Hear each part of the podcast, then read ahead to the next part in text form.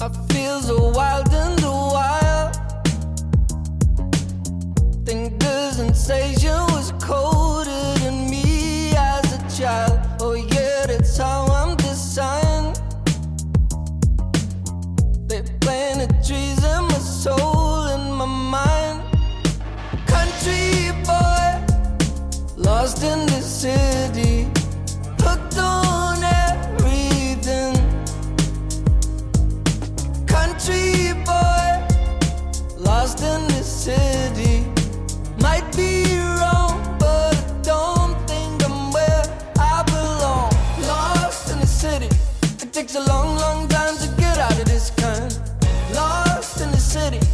takes a long, long time to get out of this kind. I feel so free in the rain. Open my mouth, drink as much of this world as I can. I guess I'm drowning again. And all the concrete that talks is champagne. Country boy, lost in the city, hooked on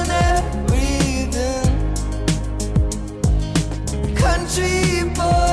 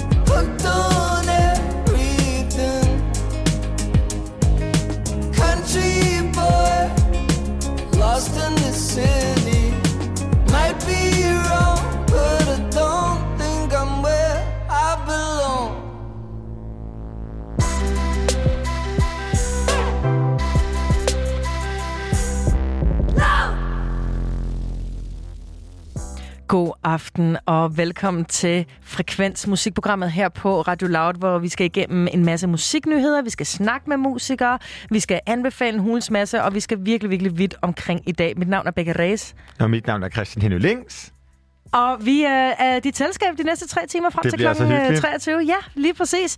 Har du det godt, min ven? Jeg har det så dejligt. Jeg sidder herovre og har shorts på, som er meget, meget korte. Ja. Og hvis det nu var visuel radio, så havde det været rigtig sjovt. Men, øh, men du kan bare forestille dig, at de er meget korte. Og det, jeg synes, det begynder at blive lidt koldt. Ja, det kan, skal, jeg kan godt lunke Nå, vinduet jeg, jeg dig elsker jo, at vinduet er åbent, men jeg synes generelt bare, at, jeg sådan, at det er sommer på mandag. Ja. Og, øh, og man har nærmest lyst til at have en lille flistrøje på og lange bukser, ikke? Det er jo danskerfinden. Det er det der med, at man tænker sådan, det er mig. Nu skal jeg t-shirt på, om jeg så får influenza. Ja. Eller corona, ja. Vi nærmest. Ej, okay, det er måske Uha. en anden snak. Men ærligt, det er, vi, vi bliver ambitiøse, når solen skinner. Ja. Ja, men det er ikke det, det skal handle om. Og øh, før øhm, øh, vores lille intro-jingle, så hørte du øh, Gus med nummeret Country Boy. Kunne jeg ikke lade være med at sidde og, sidde og t- kigge på dig, Christian? Jeg kunne ikke lade være med at tænke på, om du var en country boy. Altså, jeg vil jo sige, at jeg er en countryboy i den forstand, at jeg er vokset op på landet i Jylland. Ja. Så, så sådan på den måde countryboy, men, du, men jeg har aldrig nogensinde malket en ko, og jeg okay. Kan ikke lide at køre traktor. Jeg kan rigtig godt lide at lege sådan, øh, hvad hedder det, hoppe på halmballer i sådan, en, i sådan et hø-lager. Det er, Det er universelt sjovt. Ja, Det kan bare alle ikke lide, så fedt, når der er mus, man ved, der kravler rundt over Ej. det hele. Og det klør også lidt, ikke? Men, øh, men det tror jeg sådan, jo, og så har jeg alt, altså jeg vil sygt gerne være med i Landmands og Kærlighed. Så Ja, på- ej, det kunne være genialt at se dig i det. Min søster og jeg havde jo seriøst en, der var, jeg tror det er to år for, øh, siden, at der var en deltager, som havde sådan et flot, stort rødt skæg, som vi seriøst blev en lille smule uvenner over. Hvem af os, der skulle være kærester med? Åh, oh, Ja, jeg synes, det skal være dig selvfølgelig, men jeg er måske også lidt farvet. Ja. Men vi bliver lidt i Jylland, min ven, fordi at hvis det ikke havde været for den satans corona, øhm, så, øh, så, havde vi, øh, så havde der været en masse øh, festivaler nu her coming up. Blandt andet Sjællandsfestivalen, det er så på Sjælland, sjovt nok, men øh, Jelling Festival, Hede Rytmer i Silkeborg, Heartland Festival på Fyn og Herning Rocker. Jeg ved ikke, øh, har du været på nogle af de her festivaler? Altså, jeg har selvfølgelig været til hede rytmer i Silkeborg. Det er sådan noget, man gør lidt, ligesom man tager til Open by Night i Aarhus. Okay. Øhm, og det er måske sådan en af de første, øh, ud over sådan noget grøn koncertstemning, som jeg har været til, af sådan festivaler, men Udover det, så har jeg faktisk ikke været på en eneste. Øh, min øh, papsøster Sara har været på Jelling Festival rigtig mange gange, og jeg ved, det er sådan, jeg ved igennem hende, at det er sådan en efterskolefestival. Og jeg har skulle være på, øh, det er sådan en, hvor alle efterskoler tager til, Nej, hvor hyggeligt. ja, og så er de sammen. Virkelig en skøn måde, fordi det er jo ligesom at nu, hvor at deres år er slut, og så fortsætter de sammen derpå. Ikke, Men ikke i 2020, desværre. ikke i 2020. De må, og, øh, de må øh, kompensere næste år. ja, og Heartland Festival er jo på Fyn, hvor at min øh, pap mormor Ja. faktisk bor i Kværndrup, så der har jeg også skulle være rigtig mange gange. Men så er det noget med, så er det landet oven i distortion, og Fordi Distortion, det vil være næste weekend Ja. igen. Altså, det er også virkelig nu, det begynder. Det er virkelig nu, hvor at, øh, vi, vi mærker alle de her ting, som vi kommer til at, at opleve desværre. Ja, og din Snapchat-minder, hvis du har det, kommer til at minde om hver eneste dag, hvad du lavede Ja. for et år siden. Og hvis det nu var, at corona ikke havde øh, visket vores kalendere ud, og vi havde stået på Sjællandsfestivalen, som jo rent faktisk kunne have startet i dag, så kunne vi have stået lige nu til Birte Kær og Feel Good Band. Ej, hvorfor ikke? Og så om en øh, lille øh, 45 minutters tid, så er Burhan G gået på Altså, som i dag, lige nu. as we speak. Ja. Ej, du gjorde det nærmest lidt værre. Ja. ja. Ja. Og i morgen, der, der var alle de andre startet, og så over weekenden var det rigtig gået i gang, ikke? Men hvis vi nu... Jesus Christ, jeg bliver helt trist nu. Men lad os nu lægge den triste øh, humør til side, og ligesom prøve at genskabe det her, fordi vi har jo taget hver et nummer med fra et af de her line-up, som vi elsker. Lige præcis, og jeg har taget et nummer med her, som skulle have spillet i Hede Rytmer i Silkeborg, her den øh, 28. til den 30. maj, det vil sige fra i morgen af. Og øh, det er ingen andre end Flake. Her kommer nummeret Silly Dancer.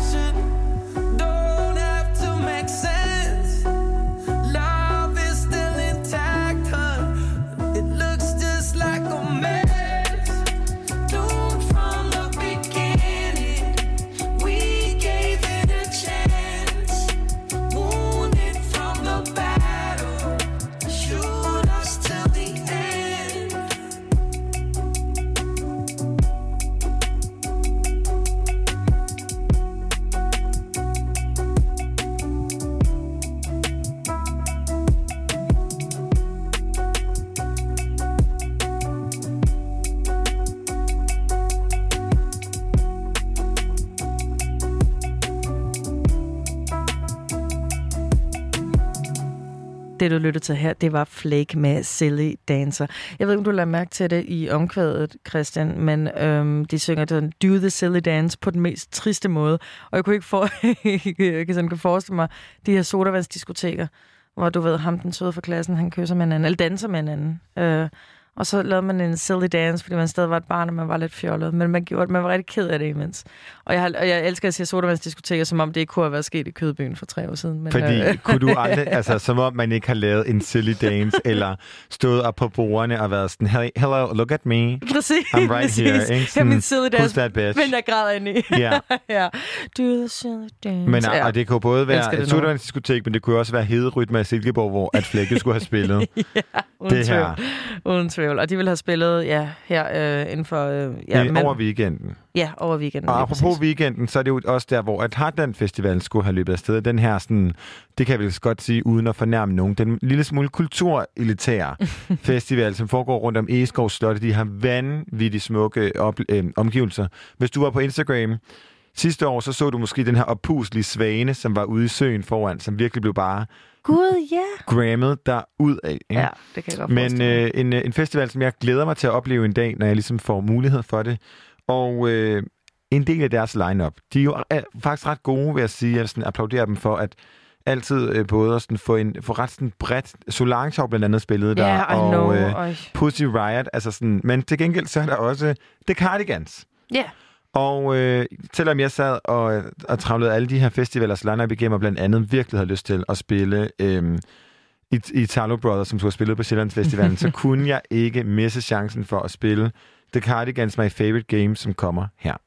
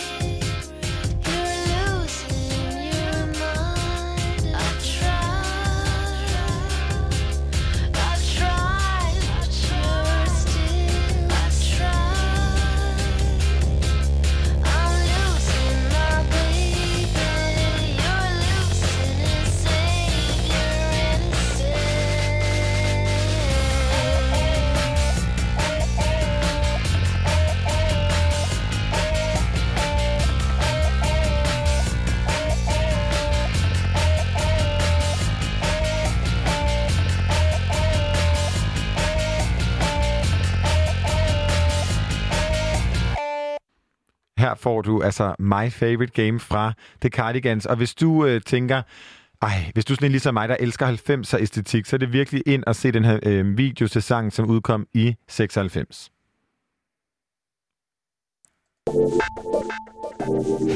der var den. Hvad hedder det? Jeg har altså taget et nummer med, øh, Christian, fordi at øh, i dag er en af de dage, hvor øh, der er sket noget, som ikke altid sker. Og det er meget, du ved, Beckas lille boble af musik, som hun bare elsker. Og det, det, så jeg har taget nummer med, du bare skal høre. Jeg husker noget med den her kunstner, som jo er Sef, hvad, Sef Dalisa. Ja, Sefta Lisa. Er det hende, som dig og din mor var til en koncert med? Ja, Hvor alene. at du stod nede foran alene, og din mor hun sad op alene. Ja, præcis. Vitterligt et, et scenarie, som ofte sker, når forældre de tager deres øh, børn til en One Direction-koncert. Det var lidt, hvad der skete her. Og hun er, der er ikke meget One Direction over Sefta Lisa. Så jeg derude, der ikke ved, om det er, så er det den her trip-hop-kunstner, som oprindeligt er fra Iran, kom til Holland som syvårig, og Ja, øh, boede i Rot- Rotterdam og har fået en masters i business and communication, hvis der også noget videnskab i det, og så var hun på det øh, næsten, ja, hun var på det nationale baskethold, for det ikke skal være løgn, og så øh, blev hun bare den her fantastiske æstetiker og sangerinde slash kunstner, som jeg er tosset med. Elskede du det her nummer, vi nu snart skal høre, så fra første lyt? Jeg hørte det for første gang i dag, fordi det udkom i dag, så Uh. det, det jeg har taget med i dag, det hedder Joanna. Og det er et, hvor hun for en uge siden sagde, 27. marts, der kom ud med et nummer. Så jeg vågnede i morges og tænkte 100 procent. Og hun er, hun er meget god til at innovere sig selv. Og til derude, der måske tænker, det lyder meget interessant, det vil jeg gerne tjekke ud, fordi hun har iransk, altså hun er iraner jo, så hun har det altså med også at smide nogle mellemøstiske, mellemøstiske stryger ind over, og, og lave noget, noget, meget øh, sådan, ja, farse-iranske øh, sang, som lyder helt genialt og smukt, som også kommer halvvejs ind i det her nummer. Jeg synes egentlig bare, vi skal tjekke det ud. Kan det være, du kan lide det? Jeg glæder mig.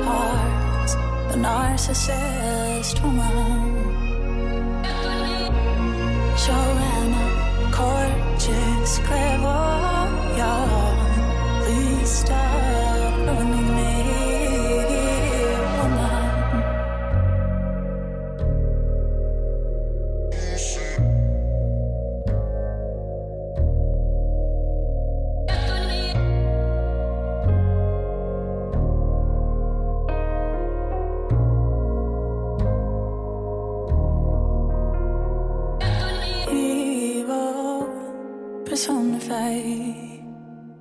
She preys on the dead. A woman in silence. I was so wrong.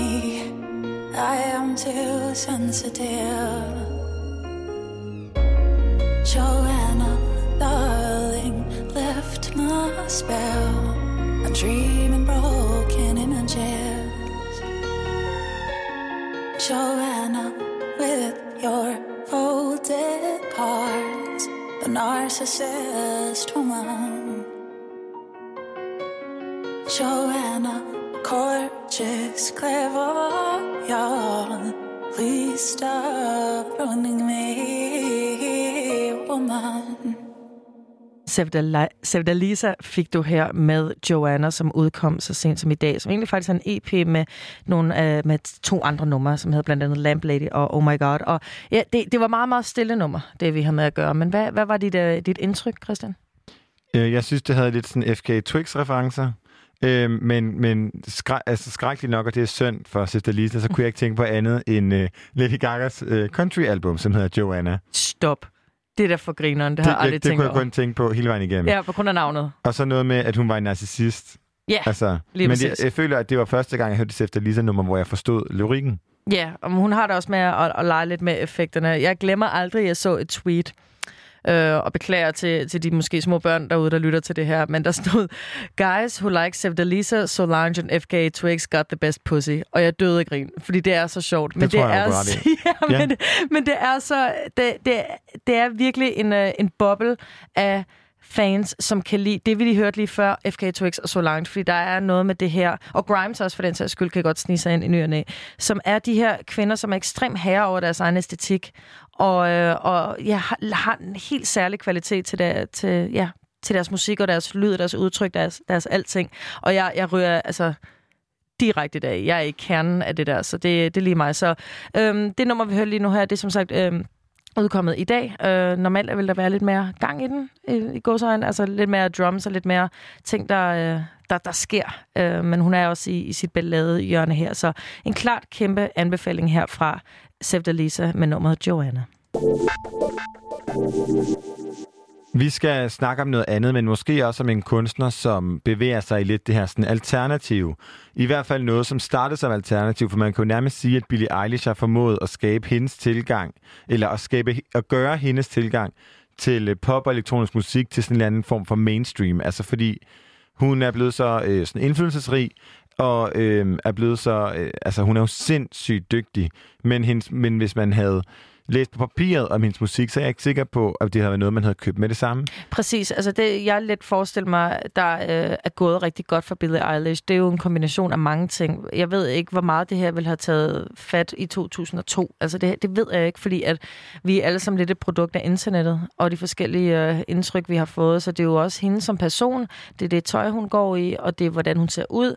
Og så vel som hendes musik og hendes historie med hendes bror, og den her kommer fra nogle meget sådan ydmyge kår. Altså det jo hele pakken, folk de tager med nu, når de øh, investerer i en kunstner. Ja, og apropos nu- 2002 og det tøj, hun går i, så tror jeg heller ikke, at det tøj, som Billie Eilish ligesom vælger at iklæde sig, havde været, øh, var blevet købt øh, som, altså af, af lyttere på det tidspunkt, fordi hun går jo i altid oversize, lag på lag. Lige og, præcis. Og Og det er, Noget, man forbinder også med skaterdrengene i, i folkeren, ikke også? jo, det er i hvert fald noget, man, det her med, at man forbinder med den her type person, som øhm, ikke har behov for ligesom at, at, at vise sine kropsformer, og måske bare sådan gerne vil, vil gemme sig lidt væk i dem. Ja. Øhm, og netop det her med, med kroppens udseende, og øh, det her med at gemme sig væk, er jo noget, som Billie Eilish flere gange har i tale sat.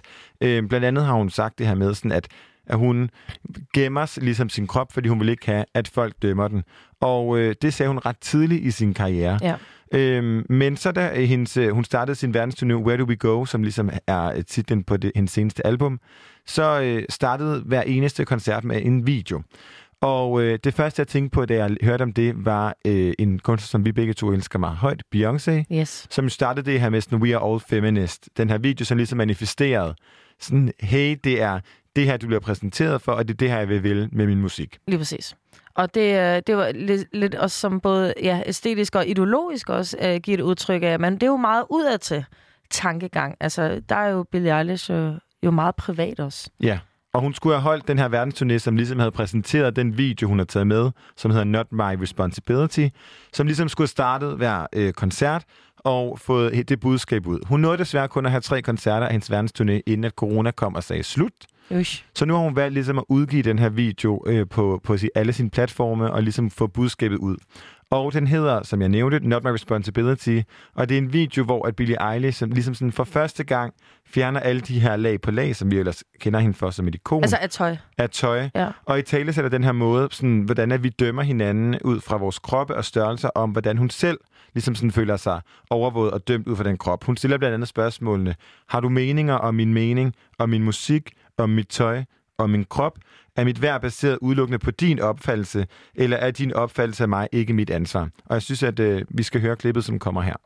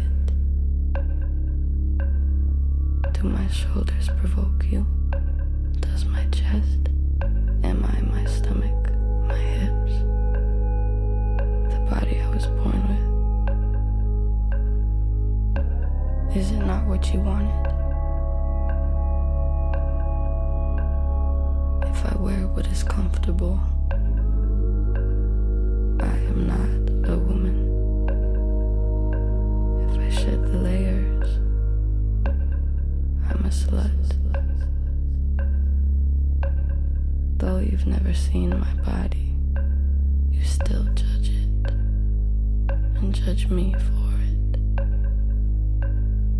Why? We make assumptions about people based on their size. We decide who they are. We decide what they're worth. If I wear more, if I wear less, who decides what that makes me? What that means? Is my value based only on your perception? Or is your opinion of me not my responsibility? Ja, som Billie Eilish så fint siger, det her Not My Responsibility er titlen på den her video. Og øh, det var ret interessant ligesom at være herinde i studiet, fordi normalt så er vi to meget sådan øh, chattepigerne. Ja, vi snakker og snakker. Øh, og der gik ret meget sådan en mellow, altså fordi jeg kan, jeg, for det første så bliver, jeg, bliver man suget fuldkommen ind i det her sådan lydunivers af den her sådan underlægningsmusik, og samtidig bliver jeg nærmest hævet tilbage til nogle af de Beyoncé-koncerter, hvor jeg ligesom stiftede bekendtskab med det her medie, sådan spoken word Ja. Øh, første gang, og altså, jeg, jeg, jeg, jeg synes bare, at sådan, den, det hun siger, Billie Eilish, er så vigtigt, og også noget, som rent faktisk vi jo alle sammen et eller andet sted kender, ikke? Ja, og vi er også skyldige for 100. at, at, at, at dømme kroppe. Øhm, jeg er bare så umådelig til tider trist over, at en 17, 18, 19-årig kvinde som hende, som er blevet så stor, skal forholde sig til det, men det skal hun, fordi det er et vilkår når man er af, af hundkøn, og, og især når man er så kendt, som hun er. Og, og man kan aldrig få fred, og det er jo en blanding af medierne, men også, at nu, nu lever vi i en tid, hvor man kan smide sine meninger i, i øst og vest. Og det her, det minder mig om øh, det interview, der er med Justin Bieber, hvor han simpelthen begynder at græde, fordi at han vil have, at man skal beskytte Billie Eilish. Og jeg ved ikke, om det var i forbindelse med det her, men der har været noget lignende, hvor hun jo bliver kritiseret herfra til månen for ting, som i og for sig er så banale og ligegyldige, når man tænker på, hvad hendes håndværk er, hvad hendes kunst er. Og her der, der er det et interview med Justin Bieber, hvor han bliver simpelthen så rørt, fordi at han var udsat for det her groteske, fuldstændig voldsomme, øh, nærmest overgrebsagtige chikane, da han var 13 år gammel, udkommet med baby, har den her Bieber-hjelm, og ja, var en stor kanon i forhold til at være et teenidol, men folk, der, der gik sport i at have ham. Og det, det, det er jo en virkelig, virkelig reel bekymring. Altså. Ja, og man kan jo sige, at det er jo en eller anden form for sådan en uh, internaliseret, den her sådan ting, vi har, fordi vi kan alle sammen godt sige, at vi skal elske vores kroppe, og vi skal være mere kropsaktivistiske, og jeg prøver hver eneste dag. Mm. Øh, men jeg skal da være den første til at indrømme, at selv for eksempel, da Adele var ude, lagde de her billeder på Instagram forleden dag, det første, jeg tænkte, var ikke, Gud, kommer der ny musik, det var, hvordan har hun tabt sig så meget? Ja, jeg vil også. Eller fedt, hun ser bedre ud. Altså, Ja. man har allerede de her sådan, øh, forudsætninger, eller ikke forudsætninger, Nej, vores have det udgangspunkt godt, når hun er blevet så tynd Lige stemning, præcis ikke? der. Vi går da stærkt ud fra, at hun har det bedre, og folk havde det meget. Good for you, you look amazing. Og det, øh, og det, det er jo noget, vi er opfostret med, det er det der med at skulle afkode ting. Altså, der, der er en del af mig, der bare måske vil ønske, at jeg først bliver født om tre år fra nu af, fordi Ja. så kan det være, at jeg ikke skal lære alle de her ting, eller aflære ting, Ja. som, som, som man, er blevet, man er blevet født med. Men Billie Eilish står også i ekstrem kontrast, fordi hun er altid virkelig meget påklædt.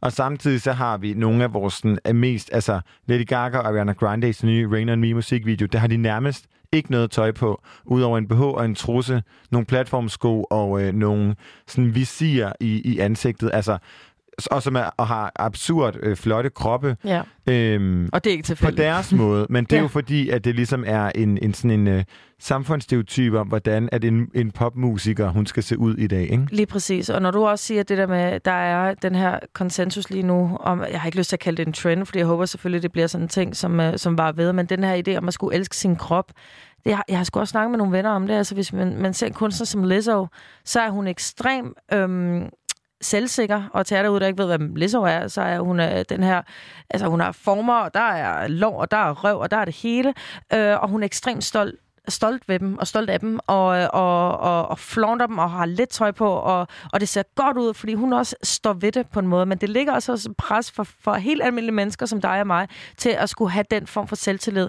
Og der laver altså Billie Eilish jo en, en, øh, en helt modsat, der siger, hvorfor skal jeg forholde mig til min krop, når jeg gerne vil lave musik? Hvorfor må jeg ikke tage en hættetrøje på, når det er behageligt? Jeg vil jo springe rundt. Hvorfor skal jeg, du ved, slås i hovedet om, at Ja. jeg skal elske min krop? Og det synes jeg også er en super real ting. Ja. Fordi det er altså sværere, end man lige skulle tro. Men meget apropos Lizzo, så så jeg faktisk for ikke så lang tid siden, at hun var ude og sige det her med, fordi folk nemlig altså ikke kritiserede, mm-hmm. men spurgte ind til, hvordan lærer man at elske sin krop, hvor at øh, hun ret fint sagde det her med, at noget i retningen af, at hun kunne ligesom vælge mellem to ting. Vil hun leve sit liv, eller vil hun ikke leve sit liv? Fordi hvis hun vil leve sit liv, så er hun nødt til ligesom at acceptere, at det er sådan, hun ser ud, Ja. og, og, øh, og ligesom sætte pris på, at den her fucking krop vågner hver eneste dag. Den bærer hende igennem alt det, som hun har af, af lykkelige minder. Det er den her krops... Altså, jeg ved godt, det bliver meget sådan banalt. Nej, men det er rigtigt. Men, øh, men Ja. altså, det er jo ligesom det, det handler om. Men det er jo ikke kun i udlandet, fordi øhm, Sofie Linde var også, har også været ude og talesætte det her med, at hun lægger et billede op på Instagram. Hun har tabt sig.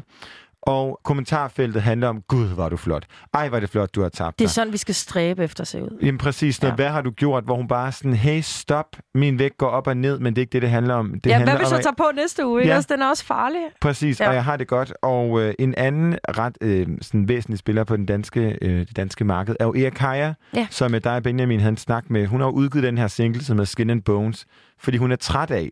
Og hver gang, at øh, folk møder hende, så bliver ligesom i tale sat, jamen, skal du ikke have noget mere at spise, du er bare skin og ben. Skin og ikke?" også? Altså, det, det, og det er jo den anden grøft. Det er jo ikke... øh, det er jo ikke, hvis man er ekstra delle. Det er jo også det modsatte. Det er, at så er der en idolisering, måske fra noget modeverden, men også noget internaliseret øh, kropsidealer, øh, som kommer fra en meget rigtig sted, også udefra, øh, hvor at hun lidt eller andet sted også sådan siger, jamen, åh, jeg skal da heller ikke tilpasse mig et eller andet, fordi jeg tilfældigvis har et højt stofskifte, og så får man spiseforstyrrelseshatten på, og så er det den, man skal bære med. Altså, hvor, hvor i bund og grund, og det er jo det, som et eller andet sted også Billie Eilish, Lizzo og Erikaya siger, fis af. Ja. Fis af med dine kommentarer og din judgment. Hvad er det, jeg leverer og bringer på bordet? Er jeg god til det? Så er du pris på det. Er det noget, du kan altså, finde ud af at, at Ja. sætte pris på? Og så, hvis ikke, så er det det.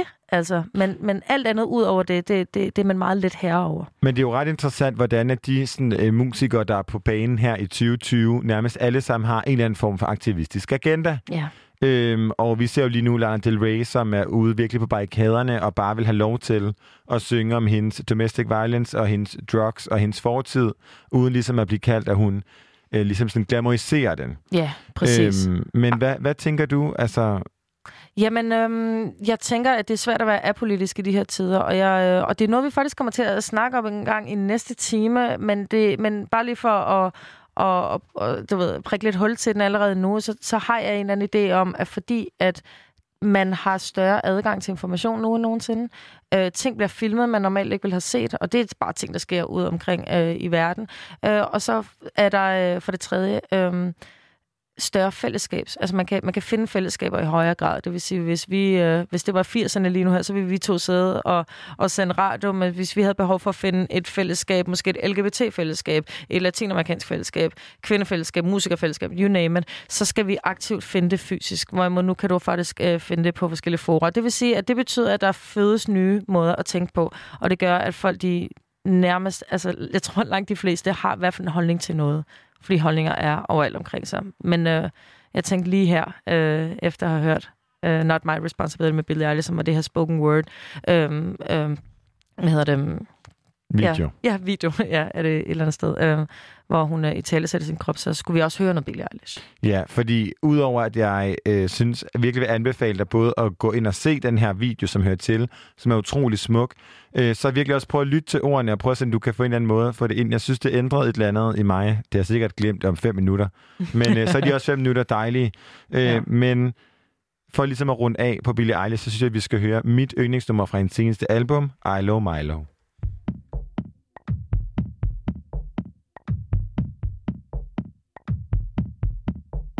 not to worry, but maybe that's a lie. Honey, what's your hurry? Won't you stay inside?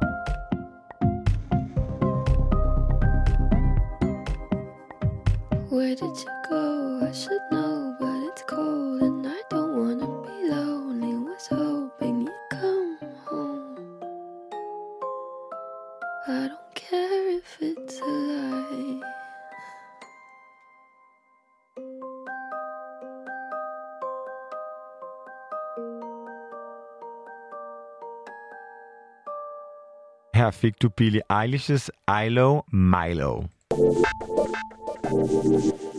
Becca, hvis der er noget, vi har øh, til fælles os to, ud over Beyoncé Mm. og at danse Yeah.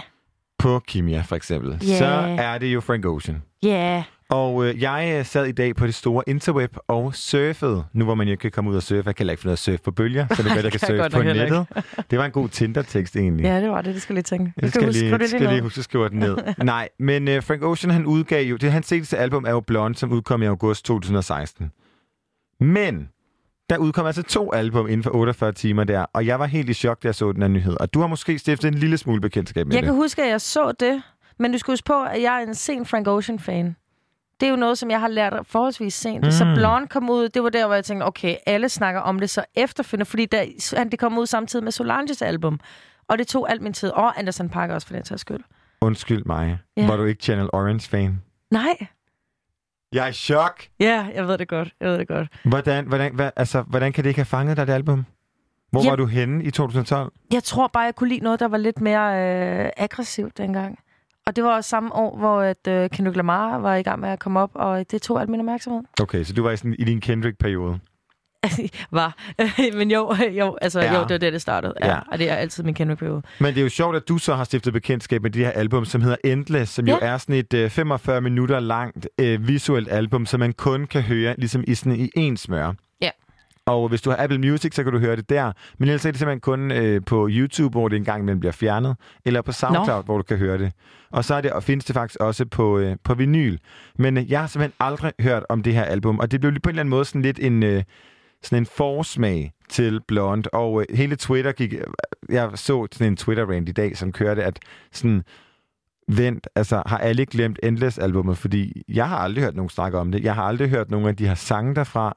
Og Det er ikke engang løgn, det er rigtigt. Det var totalt under radaren. Jeg Ja. kan bare huske, at da det kom ud, var folk sejt. Men så døde den bare. Fordi at 48 timer efter kom Blonde, som ligesom var hans første album uden Def Jam Records. Ja. Fordi at det her Endless-album siges at være ligesom hans, sådan en, øh, hans måde ligesom at sådan afslutte den kontrakt med dem, altså den her, sådan, hvad hedder det, pladselskabskontrakt, øh, for ligesom at starte med et nyt og lave Blonde. Så på en eller anden måde, så er det sådan, jeg tror også, det er fordi, han måske ikke selv har lagt så meget vægt på det, den kære Frank Ocean, at det. Ja. har fået så meget, øh, meget sådan omtale, men jeg synes virkelig, at det fortjener mere information, eller mere sådan omtale og mere lyt, end det har fået. Ja, og, og det er jo en, du siger, det er jo en lang smør. Det er halvanden times video. 45 som, minutter. Fem, nå, det, undskyld, 45 minutter, som ligger på YouTube, hvor at det er ja, en masse sange, så i forlængelse af hinanden. Og der er der en video til. Hvad er det, der er i den her video? Det er egentlig bare Frank Ocean i tre splittede versioner, som Nå, de er alle sammen ham. Ja, de er alle sammen ham, som går rundt i sådan en stor hal. Og der er 21 numre, og øh, det starter og slutter med det samme nummer, som Wolfgang Tillmans, den her meget sådan ikoniske fotograf, øh, har skrevet. Øhm, så det er meget artsy. Øhm, men altså, jeg sagde jo det meget, meget, meget... Øh, det blev modtaget lidt sådan, lad os sige, anderledes her på redaktionen, da jeg sagde, jeg synes, det var et bedre album end Blonde. Ja, det var da, det, det, der var stille, og så siger vores øh, redaktør Mikkel Bakker, what? Ja, Og det, øh, men vi prøver at bevæge os væk fra musiksnopperi her på Frekvens, præcis. fordi det må ikke findes. Nej. Der er ikke noget, der er bedre end andet. Øhm, og hvis det er, man virkelig, virkelig mener det og synes det, om det så er noget 99,9 procent befolkningen er enige med dig i, så skal du kunne argumentere for det. Lige præcis. Og det er godt ligesom at kunne argumentere for sin sag, ikke? Ja, og hvad er dit argument så for det er bedre end blonde? Mit argument for, at det er bedre end Blonde, synes jeg, at vi bare skal bruge som lyd. Det er nemlig uh. At Your Best, Perfekt. You Are Love, som uh, simpelthen er min sådan, favorit fra, fra det her album. Og uh, den uh, kommer her.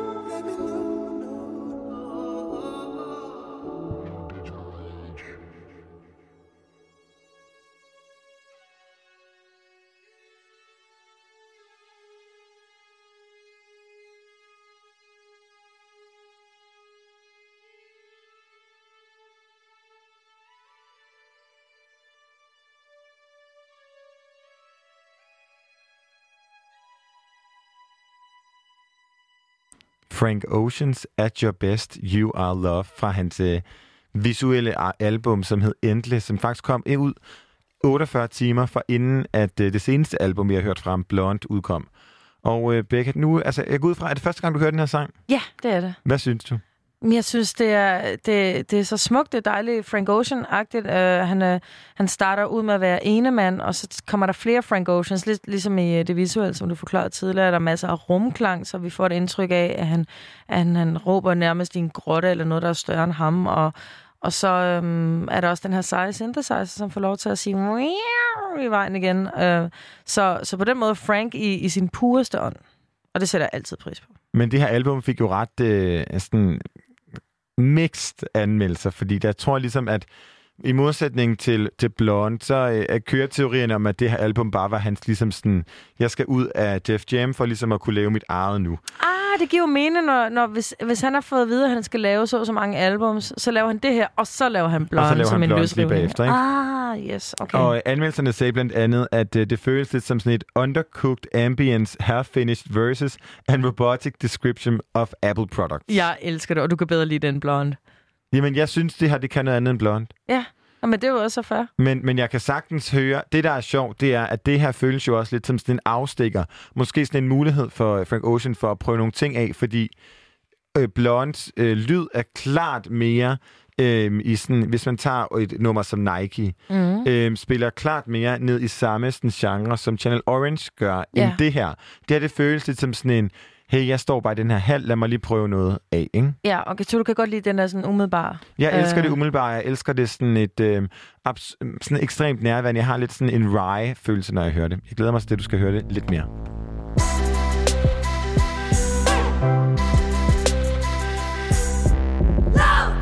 Troede jeg var kommet for sent Kan ikke klokken, jeg ikke forstod Hvad de voksne de mente Med det hoved mellem benene Og din hal mellem din Ved ikke hvad jeg skal mene Har vi et fucking problem. Og så snakker de om Gud, pik og loyalitet. De står med public scene. For det hold til at ligne en fjollet idé. Ud at virke snobbet, det er så flot på en scene. Ud fra måden som du klæder dig Tør du godt være alene. Bare husk lugten af sved i håndflader. Adskillige håndmad. Og vækket en tanke om at have fat i noget. Hiver timen aflang på en nat i tog. Du, du virker bange, nu er den dag gået. Intet har kostet mig alt. Har hørt min barndom var frihed. Det er det de voksne fortalte mig. Stadig låst til en VHS Ikke ikke noget stress. En dag falder ting på plads. Jeg griner stadig, når de nævner lys og fejl. Knævrene igennem vidne forklaringer. De minutter, du kvæler op imod tiden Du har i dig i strid som et antikvariat af uvidenhed. Hm, for tiden er frem. Kan jeg huske, jeg vil ligne nogen, nu ligner jeg ham. Du er læret med døden, dengang vi troede, vi lavede Det er nu, vi fejrer. Ikke at gå den i møde for evigt. Ubesejret. Jeg tager ikke telefon Bare læg dig og autopilot Tager den hele vejen hjem. Hele vejen hjem. Vi har en situation. Det vil dø mig igen. Som om den rammer mig nu. Det her føles som hjem. Det her føles som hjem. Det her føles som hjem. Jeg er i knæene som et frieri. Tiden den går hurtigt, føler jeg er tidligt fri. De her træer skifter farver omkring mig, hvad sker der? Jeg har det som om drømmene manifesterer sig. Der er meget, der gør mig upopulær. Jeg plejede bløde til at bedste min person, den var værd. Du betaler per time, betaler bonus salær Det vidste du sikkert ikke som den idiot, du nu er. Jeg udfører Guds pligt, bor med en udsigt. Jeg har det som Jesus, jeg tror jeg drikker i poolen lidt. Skal du lige bruge fedt, skal du lige tude lidt. Kommer for tæt på, beklager jeg troede ikke. Denne følelse, jeg føler, må være den største lykke. Jeg vil have det største stykke og din første fødte Jeg mærker historiens vingesus Når jeg ligger og jeg snuser alene i mit hus. Jeg kunne aldrig få et job ind på Joe and the Juice. Men jeg var på Nørrebro, satte bunden i blues. Blus Jeg føler, det er en livstid siden. Jeg må videre, du vil have mig til at blive hele tiden. Ude i universet, aldrig ud af værelset. Du er altid sur på mig, hvorfor du er så snærpet. Har altid følt dig hjemme, indtil du blev fjernet. Hent hjemme i værnet, drengen har det udmærket Jeg tager ikke telefon Bare læg dig og vent Bare læg dig og vent Læg dig Jeg er på autopilot Tager den hele vejen hjem. Tag den hele vejen hjem. Vi har en situation. Det vil dø mig igen. Det vil dø mig igen. Som om den rammer mig nu. Det her føles som hjem Føles som hjem. Det her føles som hjem Blik, du vil, blik, du vil, vil, vil ikke på vej, vej, vej hjem. Du vil ikke, vil, vil, vil ikke, vil, vil, vil, vil ikke på vej, vej, vej hjem. Du vil ikke, vil, vil, vil ikke, vil, vil ikke på, vil ikke på vej, vej hjem. Hvorfor tager du sko på? Du, du vil ikke på vej, på vej, på vej hjem. På vej hjem, på vej hjem.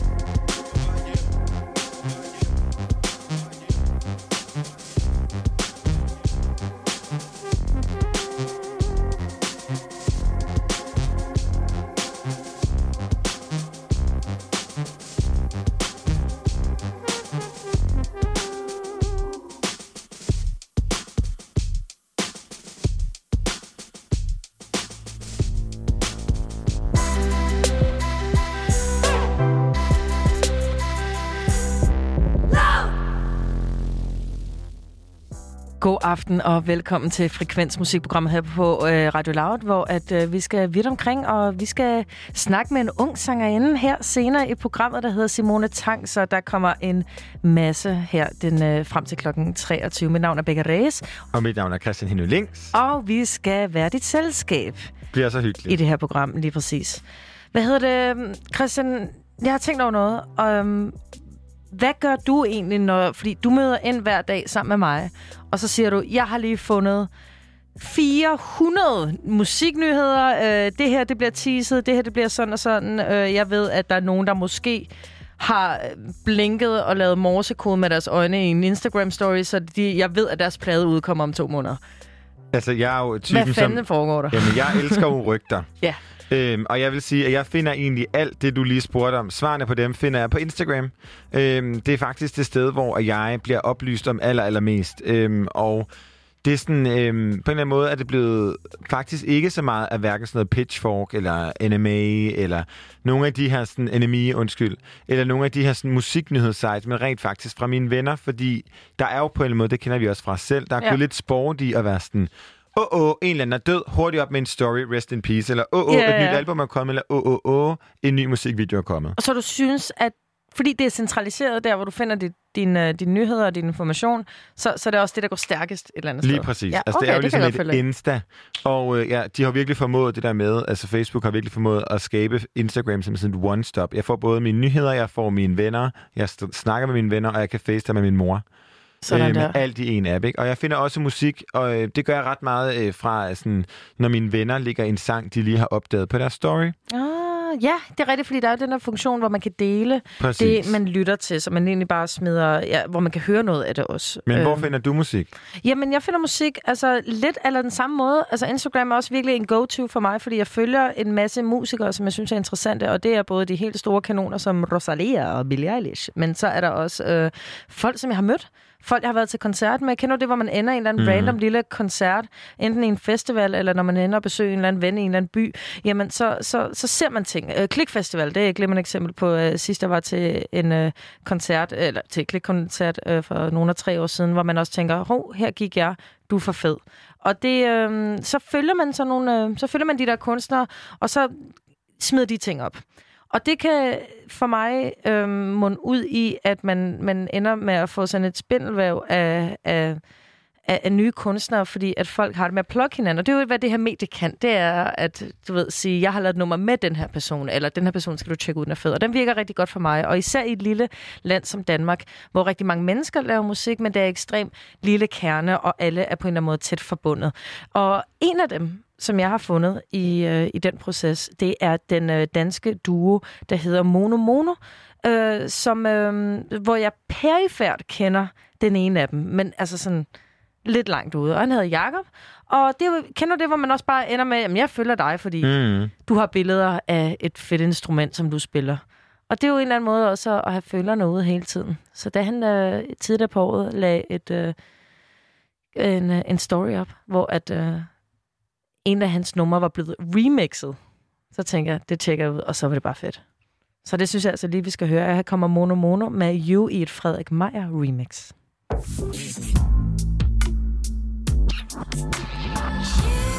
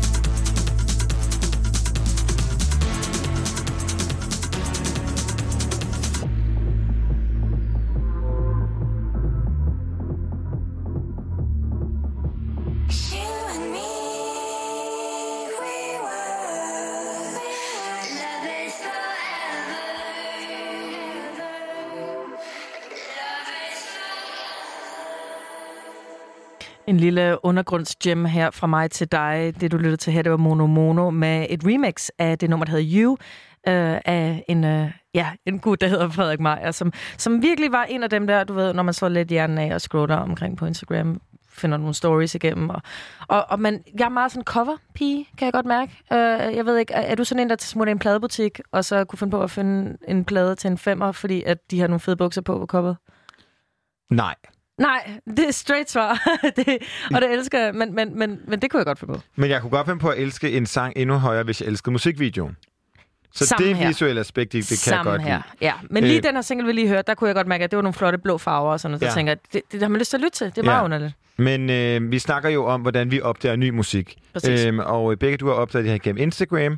Øhm, og det vil jeg sige, det er faktisk også et af de steder, jeg oplever allermest musik. Jeg har øh, baggrund som øh, moderedaktør, Mhm. og øh, for uden Instagram, så er det sted, jeg har brugt øh, sådan Shazam allermest, når folk jo har... Hvis jeg, altså, og nu tænker du, hvorfor bruger du Shazam på Instagram? Men der er jo nogen, som lægger en video, hvor der lige er sådan 15 sekunders lydbid i baggrunden. Ah, jeg forstår. Hvor jeg så har kørt Instagram-videoen på min computer, og så er jeg Shazam med min telefon. Og til folk, der ikke lige ved, hvad den her app uh, Shazam, eller Shazam, som jeg, som, Shazam. jeg, som jeg kalder den, uh, så er det, at uh, det er en app, som kan fange uh, lydbølger nok til at måske identificere, hvad det er for en, uh, en sang, man lytter til i rummet. Men for uden Instagram, hvor jeg har brugt den her Shazam-app, så har det simpelthen været til modeshows, som jo har taget mig rundt i, øh, i det danske land, men også til udlandet. Øhm, fordi på en eller anden måde, der er det noget med, for mig, vi snakker om det her med det visuelle, så er der også noget ret interessant i form af, hvordan at øhm, en bestemt kollektion, som det jo var, blev fremvist med noget bestemt musik. Mhm. Og øh, apropos mode, så er det nummer, jeg har taget med faktisk, et nummer, jeg har fundet via øh, den amerikanske øh, model til det Queen Levan, som på sin story ligger, udover at lægge virkelig mange mærkelige TikTok-videoer op, så ligger hun altid sådan to-tre sange op om dagen, og øh, nogle af dem er, er super underlige, men det her nummer, som øh, hedder Fire for You og kommer fra Cannons, som jeg har hverken hørt titlen eller kunstneren før, fangede mig bare sådan øh, ret fint, og øh, det har sådan en dejlig øh, elektronisk blød stemning, sådan lidt LA-vibes over sig.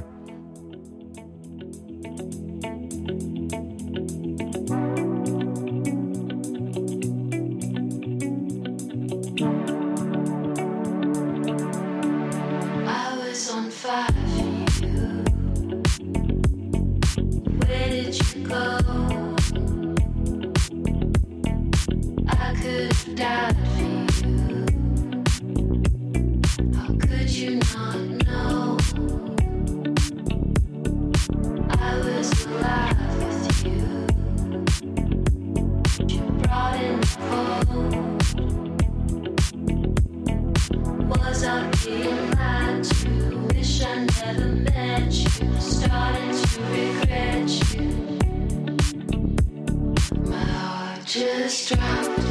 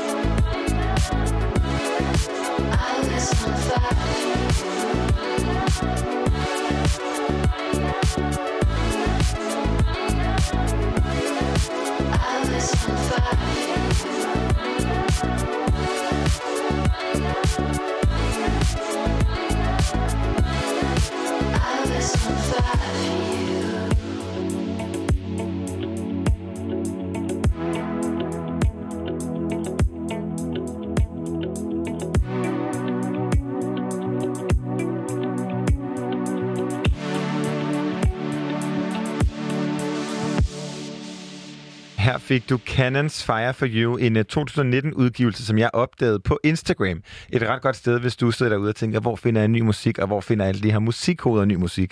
Så er det simpelthen bare at lede i dit netværk. Becca, hvis jeg spørger dig, øh, hvem er Simone Tang? Hvad, hvad har du så tænkt dig at svare? Så jeg tænkte mig, at uh, Simone Tang, det er hende fra Kærestesover. Det er et ret godt svar, men altså, det, det tror jeg det? kun, du vidste, hvis, fordi jeg ligesom har, har skrevet det på dit ark. Ikke? Fordi det er jo ikke nogen hemmelighed, at uh, du jo måske... Jeg ved ikke, om meget du dykker ned i sådan danske dogmefilm. Du har jo været lidt ind og ud af Danmark, lidt til Latinamerika, men Ja. altså... Man kan i hvert fald sige, at Kærestesorg var en film, alle i Danmark på det tidspunkt så, og i hvert fald, hvis ikke på det tidspunkt, så har set siden. Men vi har at gøre med en uh, sangskriver, en sanger og en producer, som i 2019 udgav sin debutsingle Shame. Og uh, efterfølgende så har det både puttet på en nummer to og en nummer tre, og uh, nu kan vi ligesom byde velkommen til den fjerde, som hedder Vera. Og uh, vi har faktisk fået dejligt besøg her i studiet. Hej Simone. Hej, hej. Hej. Hvor er du uh, sådan kommet fra i dag? Er du kommet lige direkte fra en dansk dogmefilm, eller... Nej, jeg øh, er kommet øh, inden fra Avenue Teater inde på Frederiksberg. Hvad laver du der? Der er jeg ved at sætte en forestilling op omkring C.V. Jørgensens sange sammen med en masse andre seje mennesker. Ja, og det skal lige siges, at øh, fordi at øh, radio er et rimelig auditivt medie, øh, så kan man af gode grunde ikke se dig, men øh, det kan jeg. Og Ja. du har fået grebet dit hår rigtig fint, så det ser rigtig dejligt stort ud, og Yes. det var der faktisk en grund til, fordi du er jo, ja, som sagt, øh, med i det her teaterstykke. Hvad er det for en rolle, du spiller i den? Øh, jamen, der er ligesom ni mennesker på scenen, hvor jeg er en af dem. Vi øh, alle sammen agerer både spiller og band i et. Okay. Så vi har sådan, hvad kan man sige, øh, en ligeligt fordelt hovedrolle på den måde. Så alle spiller en del af C.V. Jørgensen, eller hvordan? Ja, det kan man sige. Hvad er din del af C.V. Jørgensen? Det er at spille på henholdsvis uha. Jeg spiller banjo, og jeg spiller trommer, og jeg spiller akustisk og elgitar. Sådan. Og så synger jeg, og så spiller jeg klaver. Okay, men er, den sådan, er der en øh, karakteren C.V. Jørgensen? Er den også spillet ud, eller er der en person, som spiller ham? Nej, der er ikke nogen, der spiller ham som sådan. Det er meget sangene, vi ligesom går op i og skal fremføre på alle mulige øh, mega seje måder. Og altså, på daglig basis, og ud fra hvad du lige har fortalt, så er du jo nærmest både ja, skuespiller og musiker på samme tid. Og det kulminerer jo i, øh, i det her, øh, kan man sige, den her teaterforestilling, du er i gang med at forberede. Ja. Vi nævnte det lige før. Du øh, var med i Kærestesover, den her film Ja. fra 2009. Øh, Hvor gammel var du på det her tidspunkt? I 2009, Ja. Jeg tror, øh, der var jeg 19, men jeg var egentlig 15, da vi startede optagelserne, Nå. fordi det var sådan et, øh, et langvarigt projekt på den måde, der blev filmet over tre år. Hold da op. tre år. Ja. Yeah. Men øh, har sådan skuespillet været et springbræt til musikken, eller hvordan har du udnyttet den her sådan, karriere? Altså, øh, jeg fik da faktisk en sang med som soundtrack i en børnefilm, øh, kort efter jeg havde været med i Kærestesår, også fordi at, øh, at jeg kendte produceren, som havde været den samme på Kærestesår, som også var det på børnefilmen, Carla og Jonas, og så øh, hørte Okay, hun børnefilm, det er jo... Altså, nu står jeg her som 26-årig, og bliver måske en lille smule offended over, at du kalder det en børnefilm, fordi jeg elsker Carla og Jonas, og jeg Ja. elskede også Carla Skabal, de her René de Simonsen-bøger, er som blev til film, ikke? Præcis. Med Elena Arndt, virkelig en, som jeg Ja. senere faktisk blev veninder med. Det er en stor, Nej, er det rigtigt? stor, stor Ej, ære sød. for mig. Ja. Okay, sejt. Men Ja. altså, så udover ligesom at være skuespiller og være med i det her C.V. Jørgensens stykke og have lavet øh, lyd til, øh, til sådan en film, hvem er Simone Tang så som musiker? Jamen altså, øh, som du nævnte, så udgav jeg jo min, øh, min debutsingle her sidste år, og det var ligesom starten på det her øh, engelsksproget projekt, som jeg har kastet mig ud i. Og øh, det er jo så sange, som, hvad kan man sige, tekstligt beretter meget sådan omkring mine egne oplevelser og et kig ind i privaten, om man vil. Øhm, og så fandt jeg ud af, da jeg sådan gik i gang med det, at øh, jeg godt ville prøve at producere det selv, og det har jeg sådan set holdt fast i, så det er mig, der ligesom sidder bag knapperne på det. Okay, og, og du, øhm, du, øh, ja, som siger, øh, du, er lige, du producerer den selv, men øh, hvor, hvor længe har du egentlig skrevet musik? Er det en del, som altid har overlappet mm. lidt med, med skuespilleriet? Det er nok kommet først. Altså, okay. øh, i 97, nu kommer jeg til at afsløre min alder, der var jeg syv år, så kan man jo regne frem til, hvor gammel jeg er. Vi er lige gamle, det er fedt. Ja, ja, Det er fedt. smukt. Øh, der husker jeg, at jeg har øh, ligesom haft sådan en øh, optagelse af sådan en gammel kamera, altså filmet ind i væggen, bare for at kunne få lyden af det, og så har jeg stået og sunget noget, der sådan lød engelsk, som ikke var engelsk. Bare for ligesom at kunne, kunne op til den reelle lyd. Øhm, det er selvfølgelig ikke det, jeg har skrevet min første sang, men det sker nok omkring, da jeg er 12 år eller sådan noget. jeg. Okay. Og den handler om, øh, hvor lækkert vejret er. Og der var Uh. også en ulykkelig kærlighedssang, og de var begge to på engelsk, så det var altså rimelig bangeren. Begge to som syvårige, eller hvad? Nej, som 12-årig. Okay. Ja, Der var også mange følelser. Spring der. Ja, ja, ja, ja. Men nu nævner du det her med, at sådan, dit eget sådan, soloprojekt som, øh, med dine følelser og ligesom et, et kig ind i privaten er på engelsk. Ja. Er det for at sådan, distancere det, eller hvorfor har du taget det valg? Godt spørgsmål. Jeg øh, havde en plan om også at lave et dansksproget projekt, samtidig med, at jeg lavede det her engelsksproget. Og så begyndte det engelsksproget bare ligesom at tage mere og mere over. Og jeg tror egentlig, jeg har ikke tænkt over, om det var, fordi det sådan skulle distancere noget. Jeg tror bare, det har et, en anden lyd, en anden ordlyd, øh, som jeg måske forelskede mig lidt i på det tidspunkt.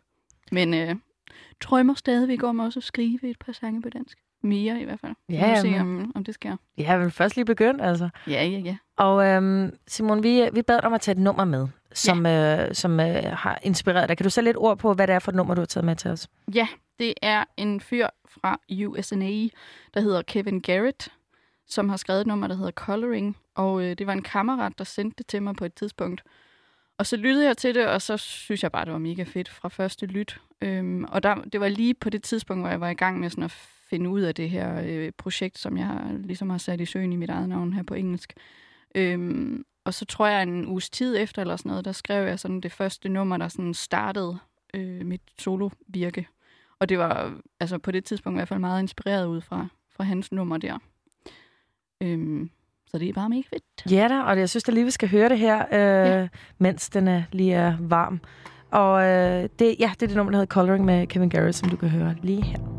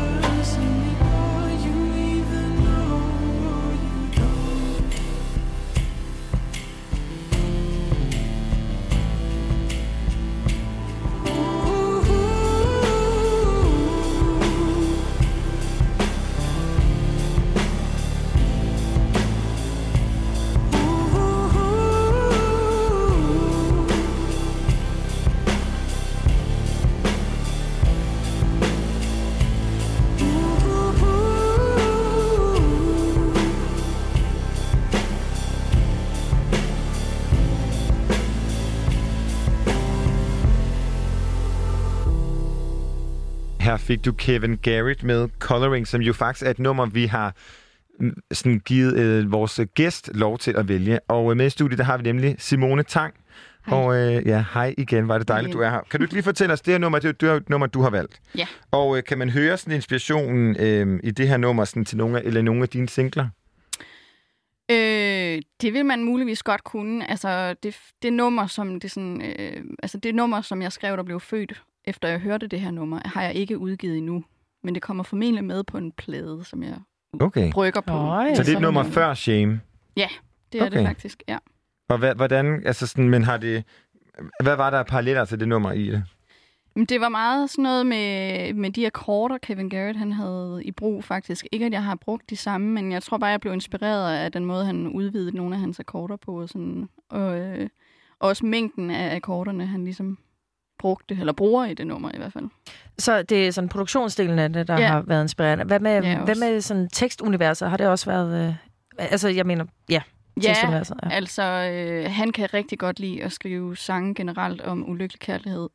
Øh, og det vil jeg da også sige er et emne, der måske er kommet min vej på en eller anden måde. Ja, så øh, altså det nummer, der også blev født øh, efter jeg hørte det her, der var jeg også lige midt i et breakup, så jeg lyttede rigtig meget til det her coloring-nummer, og resten af alt, hvad jeg overhovedet kunne finde med Kevin Garrett. Og så gik jeg hjem blødende hjerte og skrev øh, mit nummer 16, ligesom efter jeg havde... Øh, Og, Ja. hvem, og hvem handler 16 om? Den handler om min ekskæreste. Okay. Gode gamle. Ja. Lige præcis. Oha, det gør ondt. Men altså, for uden de her fire singler, og øh, nu også C.V. Jørgensen og alt muligt andet dejligt, som du ligesom har sådan haft dine musikalske fingre i, så har Ja. du også solgt sange ind til øh, ind- og udlandske film. Er der nogen, øh, eller sådan har solgt øh, numre ind til det? Hvad, hvilke film er det nogen, vi kender? Øh, jamen altså... Øh, Og hvordan har den proces været egentlig også? Jamen altså, øh, nu nævnte jeg tidligere her, inden vi spillede nummeret med Carla og Jonas børnefilmen Ja. der. Øh, så det var sådan det første, jeg ligesom lavede. Og så øh, tror jeg bare, der sådan har været lidt øh, tråde, hvad kan man sige, til filmens verden også, fordi jeg har bevæget mig lidt der, og så har kendt nogle folk der, og, sådan, og så har de hørt lidt. Og, øh, og så lavede jeg nogle sange til øh, en anden film af Charlotte Sachs. Nå nej, det er jo, det er jo lige hende, der lavede Carla og Jonas. Undskyld. Øh, den, der hedder 1, 2, 3 Nu. En anden ungdomsfilm Mm. øh, her for et par år siden også, hvor jeg havde nogle sange med. Og så øh, var jeg selv skuespiller i en øh, amerikansk thriller-film, Ja. Okay. hvor jeg fik splattet leveren ud og sådan noget der. Uh, Nej, hvor er det Au. sjovt. Ja, hvor jeg Au, så ja. også øh, leverede nogle sange Christian til. Barrulle, det er ikke ens rigtige lever. Nej, Ja, ja, ja. Puh, jeg er glad. Men, men hvad, hvad bunder det her i? Er det sådan en... en øh, selvfølgelig, at man ved... Du ved jo, altså det er jo altid det her, der er spændende, når man træder ind i en, nyt, sådan, øh, en ny sfære. Altså du har jo øh, stor, haft stor succes med, sådan, med skuespillet. Mm. Øhm, hvorfor er det, at du har valgt ligesom at sådan, på en eller anden måde sådan, at bibeholde det, det her med sådan, både, at, at du sælger musik ind til, til film, men også ligesom øh, stadig sådan, måske kobler det der med at være musiker og skuespiller? Jamen, jeg synes da bare, at øh, nu har jeg fundet nogle ting, som jeg synes giver mening for mig, og som jeg synes er skide sjovt. Øh, og det er sgu virkelig bare primus motor for at blive ved med at kunne kombinere det, eller lave noget, som... Altså, det er jo fedest at vågne op og fylde sin dag med noget, man får glæde ud af. Så jeg tænkte at ligesom, at øh, hvis man kunne kombinere de to verdener på en eller anden måde, så ville det da være et optimalt arbejdsliv på en eller anden måde. Du, skal, eller, du har været på forårsturné med øh, Annika Åkær. Ja. ja øhm, hvordan var det, og hvordan kom det på plads, sådan et uh, proces? Især for ny kunstner må det have været rimelig stort. Ja, jamen øh, det var mega fedt. Altså jeg var med hende rundt på 13 koncerter, tror jeg, som øh, support der. Øh, og Annika er jo bare skide sød, og hun er også ret sjov, har flere nok fundet ud af. så, så det var i sig selv ret hyggeligt. Øhm, og hendes publikum er også bare sådan mega lydhør. Altså, øh, jeg var helt i chok over, at der ikke nærmest var nogen, der snakkede, når man kom ind og, og skulle spille for det her publikum, som ikke rigtig havde forventet, der ville være opvarmning. Så det var bare en mega god oplevelse, at, at folk bare var med i en. Øhm, og jeg varmede op for Annika. Altså, det er faktisk en lidt... Jeg prøver lige at korte historien lidt ned. fordi har god lidt- tid. Okay, Ja. Der sker det, at jeg er med i en øh, julekalender i... Uh, hvornår er det? 2011, der hedder Julestjerner, hvor Annika spiller nisse. Og, Nej, det er skægt. Ja, og der møder vi hinanden tilbage dertil. Og så går der mange år, og så møder jeg hende på en resteplads et eller andet random sted i Jylland, hvor at vi så øh, snakker sammen, og hun nævner, at hun skal spille øh, nogle koncerter, og blandt andet en på Train i Aarhus, hvor jeg bor på det tidspunkt. Så der varmer jeg så op for hende første gang, bare den ene aften. Og så da jeg så senere hen, jeg tror der går et år eller sådan noget, finder ud af, at hun skal på den her øh, turné, så skriver jeg lige til hende igen, og så synes hendes booking, at det bare var en skide god idé at komme med hende rundt. Ej, det er fedt. Det, det er fedt, at du også, øh, man også ligesom tager initiativ til det. Vi har også, øh, jeg har snakket med blandt andet Batsheba i går, og, Mhm. som også bare, og, og, og Sulka også, som bare sådan, du ved, ringer og siger, hey, to track, jeg skal med på din plade. Altså, du ved, det, Ja. ja. det er også den eneste måde at, at gøre det på, kan man sige. Ja, nogle gange så skal man måske lige have lidt øh, rundstave på Ja. ja. albuerne. Men det er også meget, det har helt sikkert også været en god, øh, men altså et, en, en, som skuespiller får man jo også et stort kunstnerisk netværk. Mm. Så man kan sige, det har jo måske også hjulpet dig sådan på vej, det der med ligesom, at folk har vidst, sådan, at måske hvad din, sådan, hvad din kunstneriske tilgang og hvad sådan, du inspirerer mm. imod, ikke? Øhm, men altså, din nyeste single hedder Overa. Ja, Og som det- jo ikke er ude nu, men jo kommer i hvert fald ud på næste fredag. Uh. Der er ingen, der har hørt den endnu. Nej, men det er jo et nummer, som står dit øh, hjerte meget nær. Ja. Hvad er det, der er med det nummer, der står... Hvorfor står det dit hjerte så nær? Øhm, jamen igen, så er det jo selvfølgelig en, øh, en, for, en personlig beretning på en eller anden måde. Sangen hedder Vera og øh, går ud til Vera, kan man sige, men, men er for mig ligesom et nummer, der portrætterer den her sådan lidt usikkerhed, man godt kan have, og som jeg også har haft meget. Altså nu er jeg jo sådan meget perfektionistisk anlagt, og jeg tror, jeg er sådan god til at finde den store hammer frem, hvis jeg ikke ligesom føler, at jeg løser de opgaver, som at kunne skrive sange nogle gange. Øhm, så, så det er ligesom et øh, nummer, der rækker ud til sin selvkærlighed, og at man ikke skal være så hård ved sig selv, tror jeg. Og så også om små og store drømme, og at man skal man har gode venner til at kunne øh, hjælpe sig til at se en verden i farver, hvis man selv ser den lidt i sort-hvid. Men hvem er Vera? Eller Vera, som jeg godt kan lide at udtale det. Ja. Så det kunne måske godt være, at det var lidt et synonym for mig selv, faktisk. Uh. Øhm, ja, jeg havde lige sådan haft en periode, hvor at jeg synes jeg var dårlig til at skrive musik. Og så blev det sådan lidt sådan en form for selvterapeutisk tekst, hvor jeg lidt skrev til mig selv, uden at jeg skulle hedde Simone i sangen på en eller anden måde. Så det er sådan lidt meta. Lag. Øh, Simone, du, øh, vi, jeg, en del af vores job er jo også at research lidt, og det skal ikke være nogen hemmelighed, at øh, vi har selvfølgelig kigget lidt efter, mm. hvem Simone nu er. Og der er nogle live sessions, hvor at du synger, men du spiller også, og der er noget kor, og der er sådan noget. Hvad, hvad er det for et setup, øhm, når Simone Tang er ude at spille?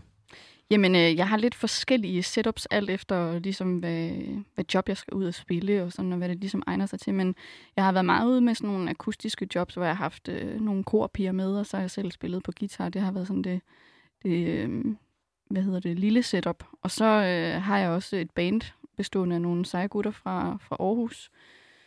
Øhm, hvor at, øh, ja, det er det større setup, kan man sige, med tromme og bas, og jeg selv spiller guitar og så videre. Ja, fordi lige præcis det her med, sådan, at, du selv spiller og producerer, kommer jo også, øh, er jo også en lyd, vi kommer til at møde på, øh, på Vera.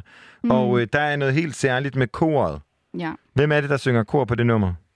Altså, det er primært mig selv, som øh, synger kor. Det vil sige, at jeg har øh, fået en masse af mine venner til at synge i outroen. Øh, jeg havde ligesom, da jeg skrev nummeret, en idé om, jeg rigtig gerne ville have mine venner på til slut. Øh, og inden jeg kunne få det, ligesom, så blev jeg nødt til selv ligesom, at lyde af 14 forskellige mennesker. Så, og det er nok også noget af det, jeg synes er virkelig sjovt, når jeg laver mine sange. Det er meget korarrangementerne. Øh, og så kan jeg godt ligesom lide at kunne lave alle mulige forskellige klange i min stemme og sådan noget. Øhm, så, så det er ligesom mig, man hører op ind til slutningen af nummeret, hvor jeg så har fået øh, mange af mine søde venner til at synge med. Hvordan har du castet de venner? Kan Ja, de alle mine, sammen mine synge? venner kan ikke synge. Altså, de, fl- ja, men de fleste af dem kan synge, ja, og, og er også altså, laver musik og sådan noget til daglig. Men jeg har en på nummeret, som er fucking tonedøv. Undskyld, Sara.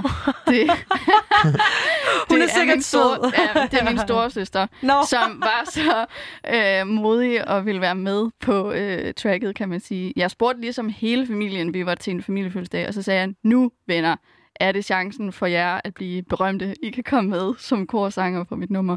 Og den eneste, der meldte sig, det var hende, der ligesom sang dårligst. Og det synes jeg bare er virkelig Nå. sejt. Ja, og vi havde det så hyggeligt med at Hvordan- optage det. Altså. Hvordan har du så øh, pakket det ind i gode, rene toner?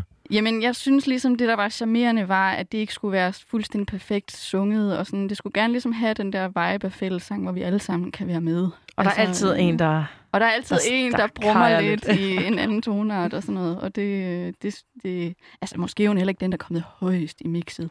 Men øh, hun ligger der. Ja, symbolsk. Præcis, hun er med. Altså nu vil vi her på Frekvens på Radio Loud give dig en valgmulighed. Ja. Enten, vi vil gerne spille et Simone Tang-nummer. Enten Ja. så har du mulighed for at give Vera radiopremiere, Ja. eller så har du mulighed for, at vi spiller din første udgivelse Shame. Oh, okay. Vi kan gøre begge dele. I kan gøre begge... Altså, altså vi, kan, vi kan ikke gøre begge dele, men vi kan gøre Nå, en af en delene, af du har delene. lyst til. Ja, okay. Jamen, det er jo altså lidt et tricky valg, jeg lige uh, sætter mig for her. Øhm, men jeg synes da nu, hvor at min første single er ude, og folk kan gå derind og finde den, at det måske er sjovt at lave et lille sneak peek på den, øh, på den kommende. Jeg er helt Stærkt. enig. Ja. Det synes jeg også, vi skal. Her kommer Simone Tang. Vera,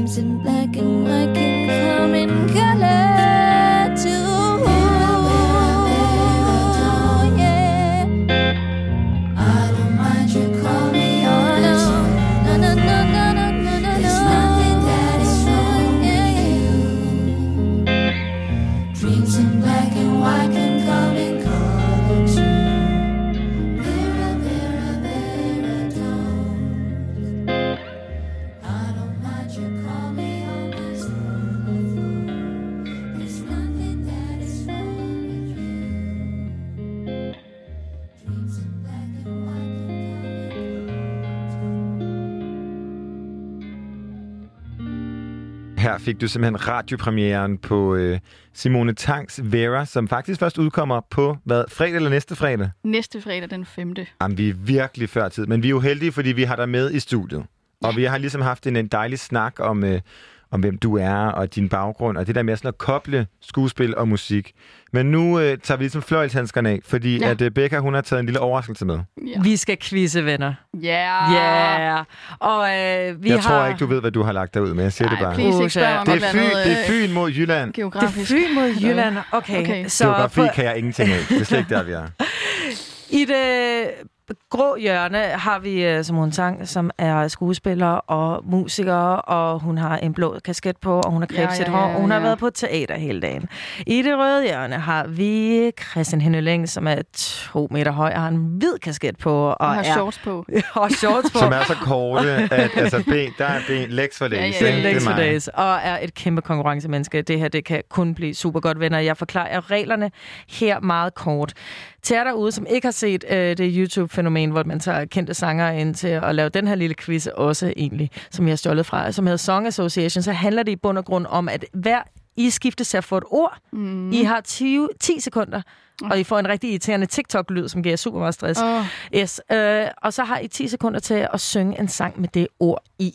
Okay. Så det er egentlig hit med sangen, men uden at skulle finde en hel sætning. Altså, Så det, skal, skal, se- skal sangen starte med det ord, eller er det ligegyldigt, Niks, hvor i? det må okay. være i sangen, det må være i titlen, det må være... Det, det skal bare synges. Simone, Okay. de sange, som du synger, der skal der titlen starte med det. Og du skal kunne synge det hele. Nej. Du har 10 sekunder til at synge en hel sang. Det bliver rigtig... Nej, det er... Og, og fordi at Simone Tang er vores kære øh, gæst i dag, og ven af huset nu, øh, så, øh, så får du altså lov til at bestemme, om det er dig, der skal starte, eller Christian, der skal starte. Ja, hvem skal ydmyges først? Jeg tror, det bliver Christian. Christian, du Jeg er starter. klar. Er du klar, min ven? Okay, Fordi så, så quizzer vi. Ja, jeg er klar. Okay, du er klar. Let's go.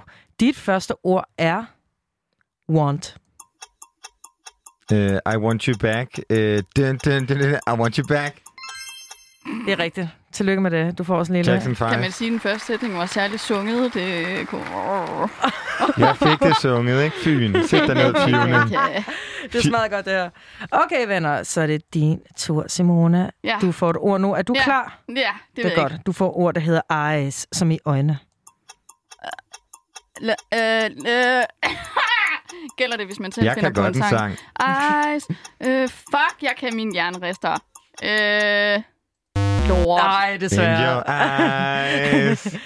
Den, øh, den nye The Weeknd-sang, som også Nå. lavede remix af selv med Doja Cat. Jeg siger det bare, jeg er god. Er det Bright Lights? Okay, alright. Det er ikke og Blinding Lights, det er også. In Nå. Your Eyes. Nå, det går in your dårligt. eyes. Okay, Vi har ni minutter. vi har, vi har ni minutter. Christian Henning Længst, det er din tur. Du får det ord, der hedder smile. Sådan der. When you smile, I smile. Hvad fanden er det? Jeg kan faktisk ikke huske, hvem det er, der har lavet den, men det er en Ja, sang. det er en sang, jeg kan også godt genkende den. Desværre, desværre. Simone, det er din tur. Du får ordet true. I see your true colors shining through. Au, au, au. Altså alene bare det Ej, der. det lyder var rigtig snyd. godt. Det lyder rigtig, rigtig, rigtig godt. Så er det dig, Christian Henning Lyngs, du får ordet free. Cause you're free to do what you want to do. Uh, det var lige sådan en... Uh, Det var meget øh, Tostemme. harmonisk. Ja, ja. Øh, Simone, du får det ord, der hedder sweet. Sweet child of mine. Ja, tak, Ja, chef. jeg har sagt sunget Sweet Nothing. Jeg havde sunget Sweet Home Alabama. Åh oh, ja, ej, classic. Okay, vi øh, skifter lige sprog lige pludselig. Så din tur, Okay. Christian. Du skal have ordet København. København. Ej, den var nem. Den chokede folk på i går. Nå, nej, okay. Vi øh, Jeg vil gør gerne lidt vide, det der samme for dig. Hvad står der lige nu? Hvor mange point har jeg? Jeg har glemt at uh, keep score. Jeg har da svaret rigtigt på Jeg alle. tror, du svarede rigtigt på alle, og jeg har Og du har Du måske dumpet- en. Eller Der to. står nok 3-2, tror jeg. Hvor- Men... Skriver ned. Nej, så står der En. hvad? 2, 1, Ja. 1, 2, 3, 1, 2, 3. Ja, den står 3-3, og det er... det kan ikke stå 3-3, når jeg har, når jeg har svaret. Jo, så står der 2-3. Det Ja. står, Den står 4-3. 4-3. 4-3 Okay, til jeg er klar til det Christian. næste Not ord. Du er klar til det? Not du, er for klar. long. Hov, hov, hov, det var mig, var det ikke det? du har lige fået København. Nej, Nej, du har lige det fået dig. København. Ja, Det er det. ja, skal ikke stå der og Starvarten! Nu giver det mening, fordi det er byttet Ah. plads. Okay, det er godt, venner. Den står 4-3 til Christian. Det er din tur, Simone. Ja. Du får ordet Danmark. I Danmark er jeg født, jeg har jeg hjemme. Ej, hvor dejligt. Jeg har sunget Natasha. Christian, det er din tur. Du Ja. får ordet leg. L-I-E, leg.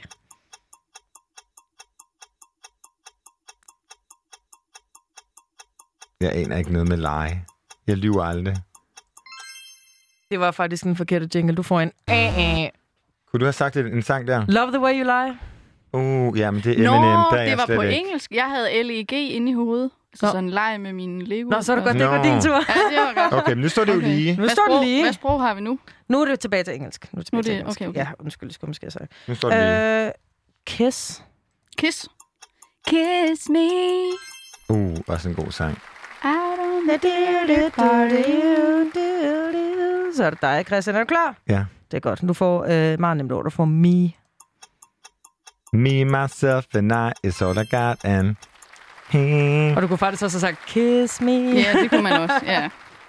Det Så er det dig, Simone. Du får et super nemt ord også. Du får ordet you. Åh oh, nej. You are the sunshine of my life. Det var godt. Det Ja, havde tak. været, Det det havde havde været været lidt kritisk. Ja. Så er det din tur, min ven Christian Hendelyngs. Du får ordet song.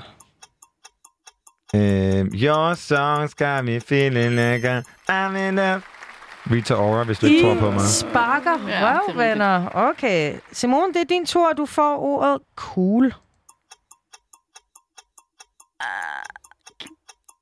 Mm, Nej. ej, øh, øh, Cool Kids fra MGP. Jeg kan Danny. ikke sige... Øh, da, jamen, når jeg... Ej! Ah, Desværre, venner. Så fører jeg igen. kan du fører igen. name drop? Øh, Danny Cool.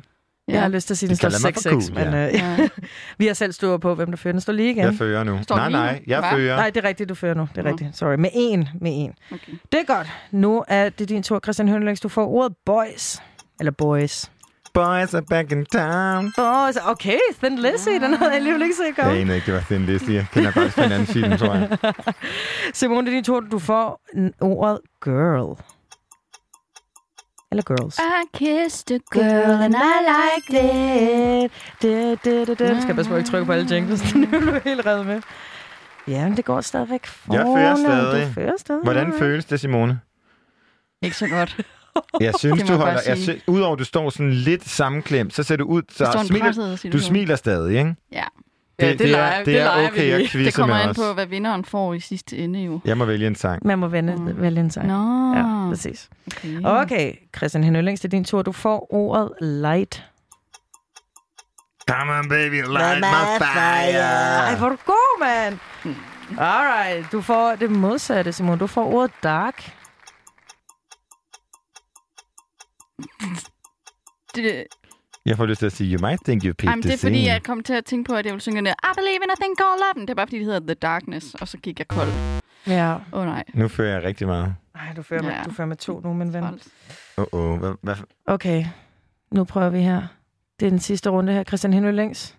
Du Mm. får ordet soul.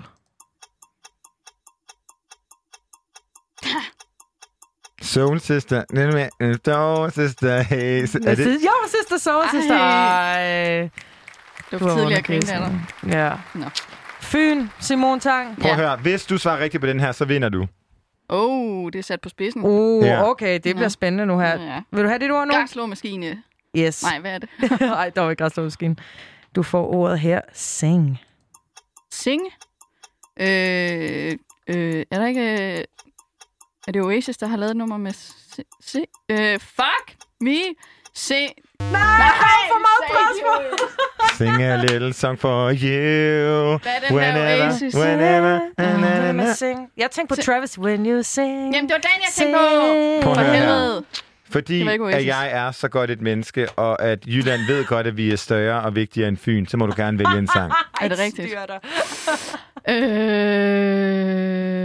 så vil jeg gerne vælge en, der hedder Stå for dig.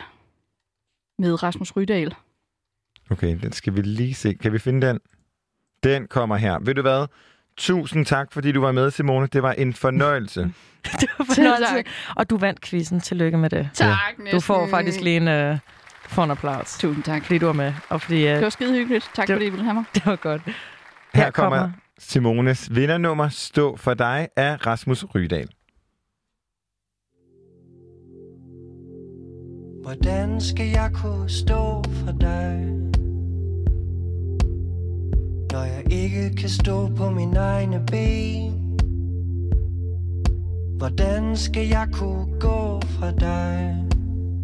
Når jeg ikke kan tåle at være alene og virkeligheden gør, at jeg tror, vi ikke tør.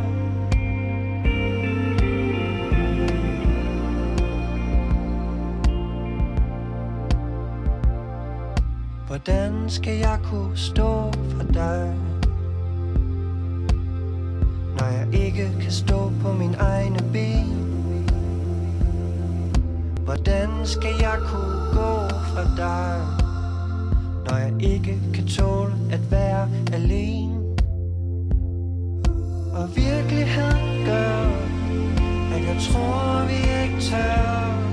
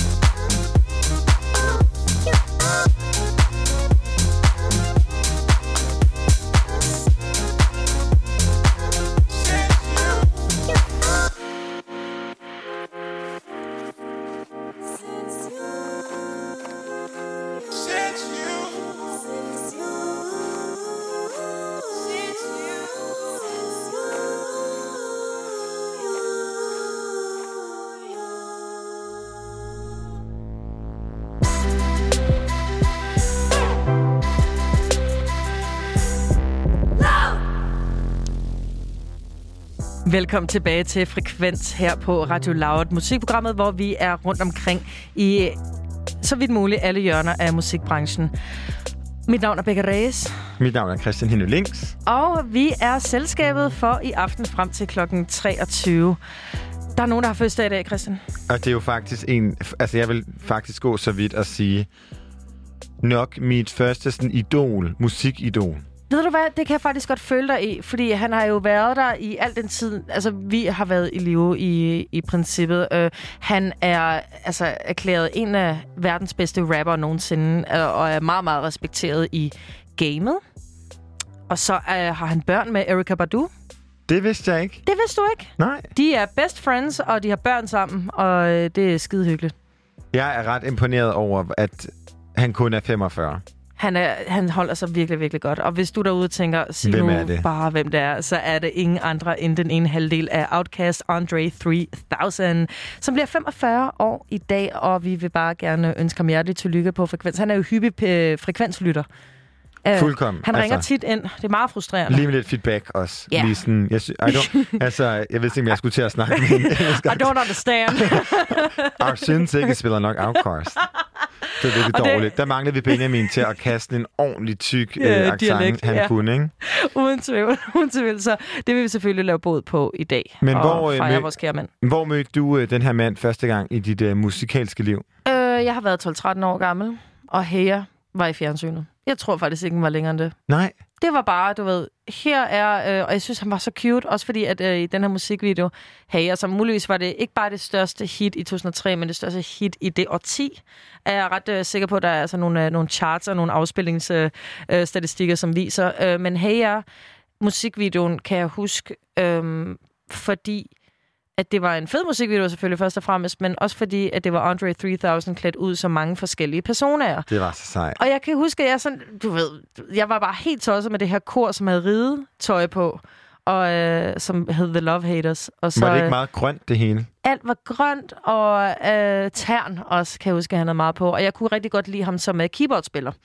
Fordi han var sådan, jeg, jeg gør lige sådan nogle lidt øh, generede fyre med briller og sådan noget.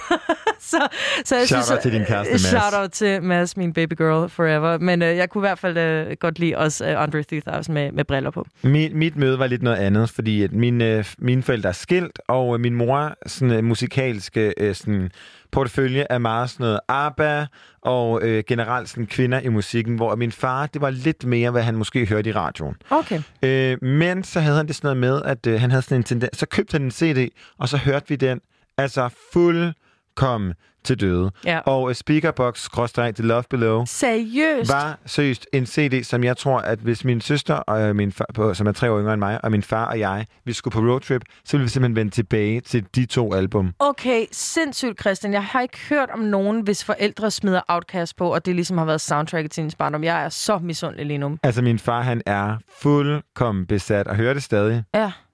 Altså, og der er ikke noget, hverken hiphop eller noget over ham. Altså, han er typen, som også... Øhm, han sådan, øh, hører øh, meget sådan noget øh, hård rock, øh, og jeg tror egentlig, at det er sådan en, øh, falder lidt ned i sådan en stereotyp af sådan en mandemand. Mm. Men øh, han, er, han er virkelig glad for det her album, og øh, hvis han ønsker sig noget følelsesgave, er det nogle gange stadig den CD, for han ikke kan finde den. Nej, det kære menneske dog. Øh, men, jeg, men jeg synes virkelig, at der er sådan et eller andet øh, over det album, som gør jeg bare sådan... Altså, She Lives in My Lap, tror jeg, er et af mine yndlingsnumre øh, ever. Ja. Øhm, og øh, det nummer, som vi har taget med, er jo et af vores fælles yndlingsnumre fra det her album. Ikke? Fordi du fortalte mig faktisk noget breaking om Speakerbox The Love Below. Ja. Fordi hvad er der er forskellen på de to skråstreg, øh, eller på hver sin side, ikke? Altså til, til folk, der måske ikke lige øh, har forstået, fordi, øh, og bare måske har haft hager i sin øh, periferi, men ikke rigtig øh, vidst, hvor det kom fra, så Speakerbox The Love Below er et Outcast-projekt, hvor jeg går ud fra, at de begge to har været ind over det hele i et eller andet omfang. Men Speakerbox er den første plade, som man siger. Så hvis du har købt den fysisk, så er det to CD'er, mm. Mhm. hvor den ene hedder Speakerbox, og det er Big Boy, der rapper. Og i den anden er det Andre 3000's projekt. Og man kan godt høre, at Big Boy er klart Atlanta-rapper. Du mm. ved, der er tunge beats, og der er knald på. Øh, og det kan noget. Og så i symbiose med Andre 3000, klart mere sådan jazzet, instrum, altså du ved, lidt mere organiske lyd, øh, og, og meget mere sang i det univers, der hedder The Love Below, så er det virkelig, øh, altså det er et, et mesterværk. Det vandt øh, en Grammy også for årets plade. Forståeligt. Øh, og det er nummer to plade, rap-plade, der fik lov til at have den titel. Og der er faktisk ikke sket noget siden, på trods af, at hiphop nærmest er sådan, har, peaked scenen. ja. Altså, det er fuldstændig vanvittigt. Ikke? Øh, og til jer, der lyttede til Frekvens i går, så havde vi også en fødselar, som også blev 45 år i går, som var Lauren Hill, og vi hørte X-Factor, som var fra den plade, der hedder The Miseducation of Lauren Hill, som var den første altså rap-plade nogensinde til at vinde en årets album på Grammys. Jeg synes, årets, øh, altså, øh, jeg synes Grammys har, har, har mistet meget af deres, sådan, du ved, hvad, hvad jeg vil mene var øh, hånd om, om kvalitet og, og, og æren, altså at, at kunne give æren videre til, til, til kunstnere, fordi jeg er dybt uenig i mange af dem. Men det, jeg, det engang føler jeg stadigvæk godt, at de havde øh, pulsen på nogle fede ting, og det, det var simpelthen bare lige to i rap fødselarer, øh, der blev 45, som har nuppet de her to priser. Men noget, som jo rent faktisk emmer virkelig dybt af kvalitet, er jo vores fællesnummer. Så vi måske har, måske, altså jeg vil sige, det er måske øh, ud over hver 13 dage, så er det 13 dage og hvad, øh, tre måneder for sent, at vi spiller den her, det her nummer. Men uh, Happy Valentine's Day, Valentines, Happy Valentine's Day er Outcast jo et nummer, som aldrig nogensinde er for gammelt, eller behøver nogen som helst valentinsdag. Og som folk ikke kender Det synes jeg er vildt, folk ikke gør. fuldstændig. Prøv lige at høre den her intro.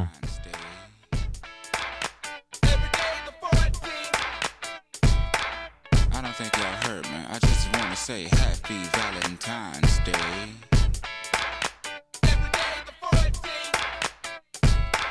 Dig that? Now, when arrows don't penetrate, see.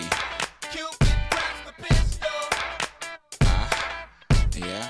Now, now look at here. He shoots straight for your heart. Now, and he won't miss you. But that's alright, y'all won't believe in me anyway. But There's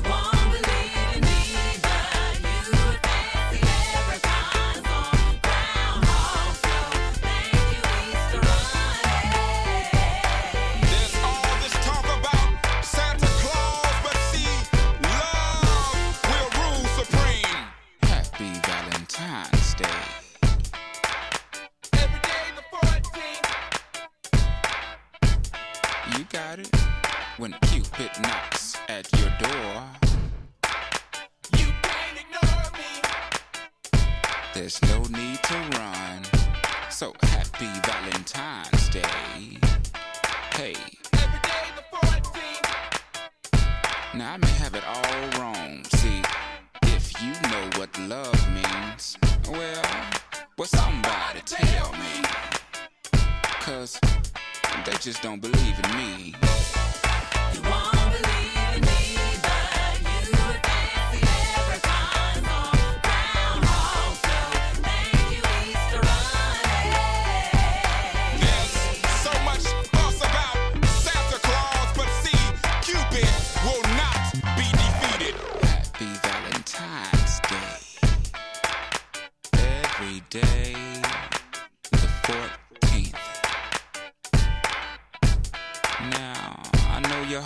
Grown cold, and that bothers me.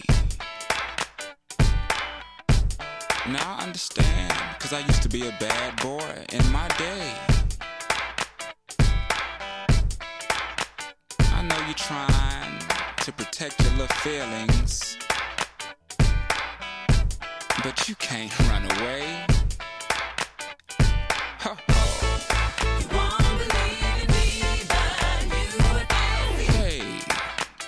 Supposed to be some kind of player or something?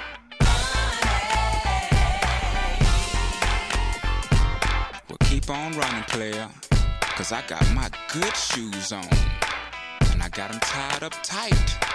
So you gon' find out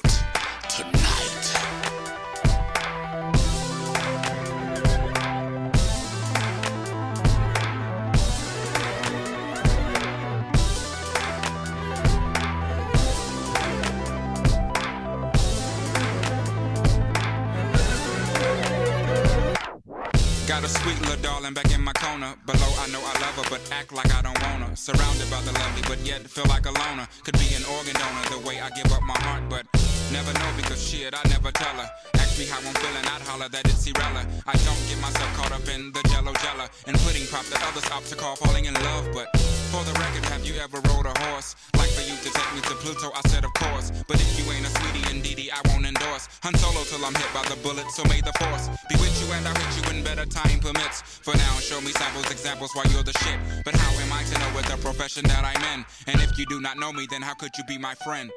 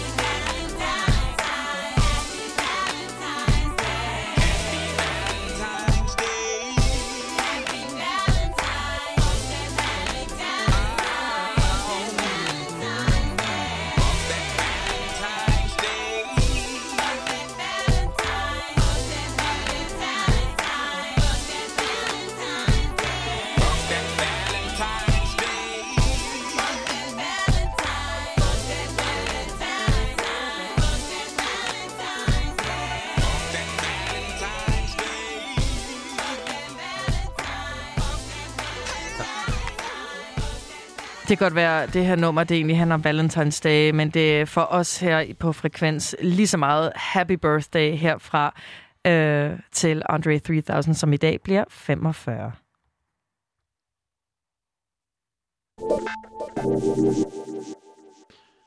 En anden person, som vi to kunne snakke om for evigt og evigt, og særligt mig, og som vi måske har en på redaktion, Benjamin Clemens, shout-out, som måske var lidt, var en lille smule træt af. Det er jo simpelthen uh, Charlotte XCX, eller hendes, som hendes kunstnavn er, Charlie XCX. Jeg kunne Jeg simpelthen, kan bedre lide Charlotte XCX. og især sådan Charlotte XCX. Åh, oh, ikke? Charlotte, okay, Ja, det kan noget, men det- Charlotte XCX, hun er, det er hende fra Charlotte kommunen. XCX. Ikke? Det er måske så meget ikke fra kommunen, men lad os ikke gå dybere ind i det. Men jeg kunne ligesom tale om den her sådan, britiske e-girl øh, for evigt. Og øh, vi har jo snakket ret meget om den her sådan, seneste plade, How I'm Feeling øh, Now. Og øh, den blev ligesom sådan, produceret fra den 6. april til den 15. maj. Og hvis at man som mig ikke har haft særlig meget erfaring med at producere album, så kan jeg bare sige dig, det er rigtig hurtigt. Hvad men, Nå, altså, Altså, på at lave en plade. Lave en plade. Lave Folk er 15 s- numre. Prøv at der er folk, der er syv år med at lave en plade. Det er fuldstændig vanvittigt, det her. Hun har simpelthen lavet den hjemmefra med hjælp fra to produ- øh, producer, og så hendes fans, som ligesom har hjulpet hende med alt fra sådan, øh, teksterne til cover art. Det er jo alt sammen foregået over øh, det her videomøde-app, som hedder Zoom, hvor at hun har holdt øh, sådan møder om, okay, hvad skal vi gøre her? Og hver øh, af alle fans, der er sat ind, der er valgt tre ud, som har lavet et, de officielle cover arts. Og man skulle måske tro sådan, okay, den her sådan brede anerkendelse, som det her album fik, da det udkom, og øh, kritikere kaldte det blandt andet glorious og honest, som det virkelig er, fordi det skildrer, hvordan at Charlie har haft det i den her periode. Man skulle måske tro, at hun var færdig. Nu Nå. tænkte altså, at hun måske var videre og gik i gang med at lave noget nyt, men uh, Charlie XX er simpelthen ikke færdig med det her album, og heller ikke færdig med sådan interaktionen med hendes fans. Fordi nu har hun uploadet alle de stems, og det er åbenbart de sådan spor, som udgør, øh, sådan, man kalder det sangingredienser Okay. øhm, fra How I'm Feeling Now, og det er her, at øh, du, kan lytter, kommer ind i billedet. Fordi du har ikke bare chancen for at lave et øh, skønt remix af dit yndlings Charlie XX nummer, Charlie XCX nummer, men du har også mulighed for at blive en del af øh, hendes sådan remix Ja. album, som hun laver af, øh, af How I'm Feeling Now. Og det var jo det, som blandt andet danske Erika de Cachet gjorde af Dua Lipas Don't Start Now. Vanvittigt. Physical er det, undskyld. Ja, physical, ja. Ja, lige det var præcis. physical. Nu bliver jeg til. Ja, physical, du har ret, du har ret. Og, og det, øh, altså, det er jo normal kutyme øh, for især popkunstnere, men øh, det, det går jo ind under også, altså, især også elektronisk musik, vil jeg sige, at man udgiver en plade, og så øh, kaster man øh, det, der hedder stems ud, som egentlig er bare det individuelle track, det vil sige, øh, du ved, det, en, en lydfil, som kun er vokalen, kun er bassen, kun er keys, men også kun er rumklangen, og kun er ekoen osv. Den smider man sådan øh, videre til en producer, og så kan vedkommende lave et remix ud fra det.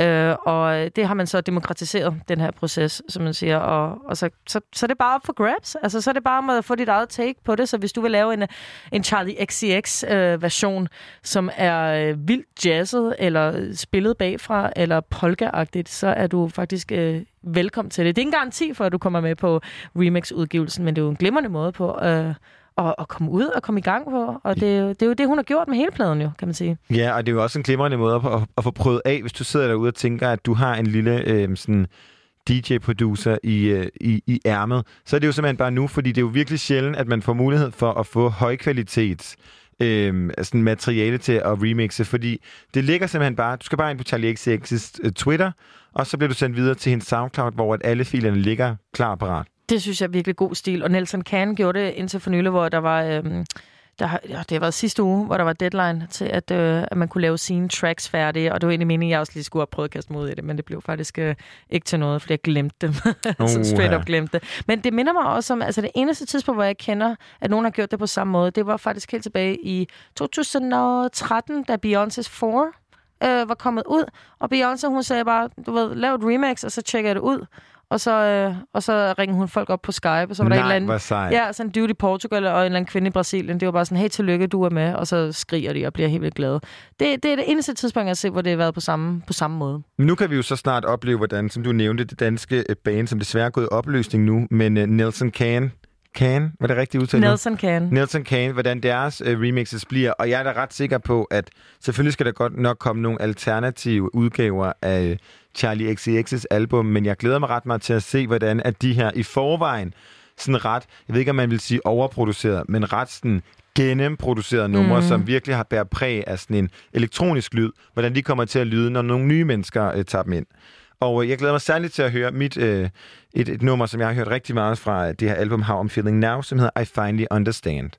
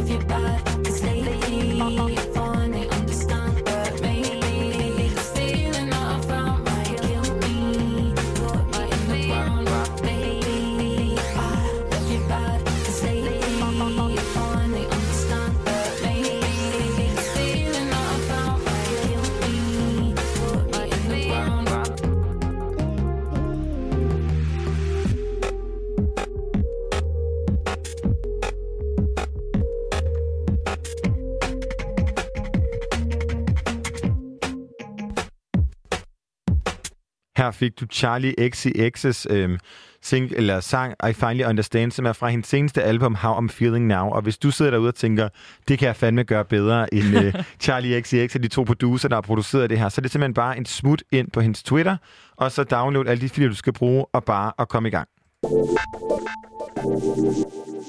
Hvad hedder det? øhm, Tidligere i Frekvenser snakkede du og jeg om aktivisme inden for øh, musik.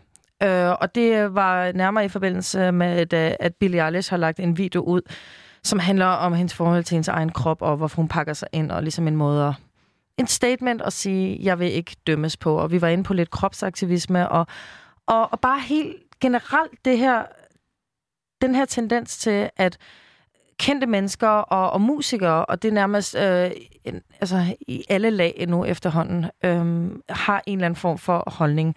Øhm, jeg har tænkt over det, og, og jeg tror, internettet har en stor indflydelse på det. Jeg kan tydeligt huske, at øhm, da jeg var yngre, så, øh, så var jeg stor Britney Spears-fan. Og så kan jeg huske, at øh, min mor, hun sagde, Øvebøv bussemand, hun stemmer på Bush. Og så var jeg sådan lidt, nå, psh, det, er sgu ikke, det vidste jeg ikke, hvad var. Du ved, jeg har været ni eller sådan noget. Øh, det havde jeg ikke noget forhold til.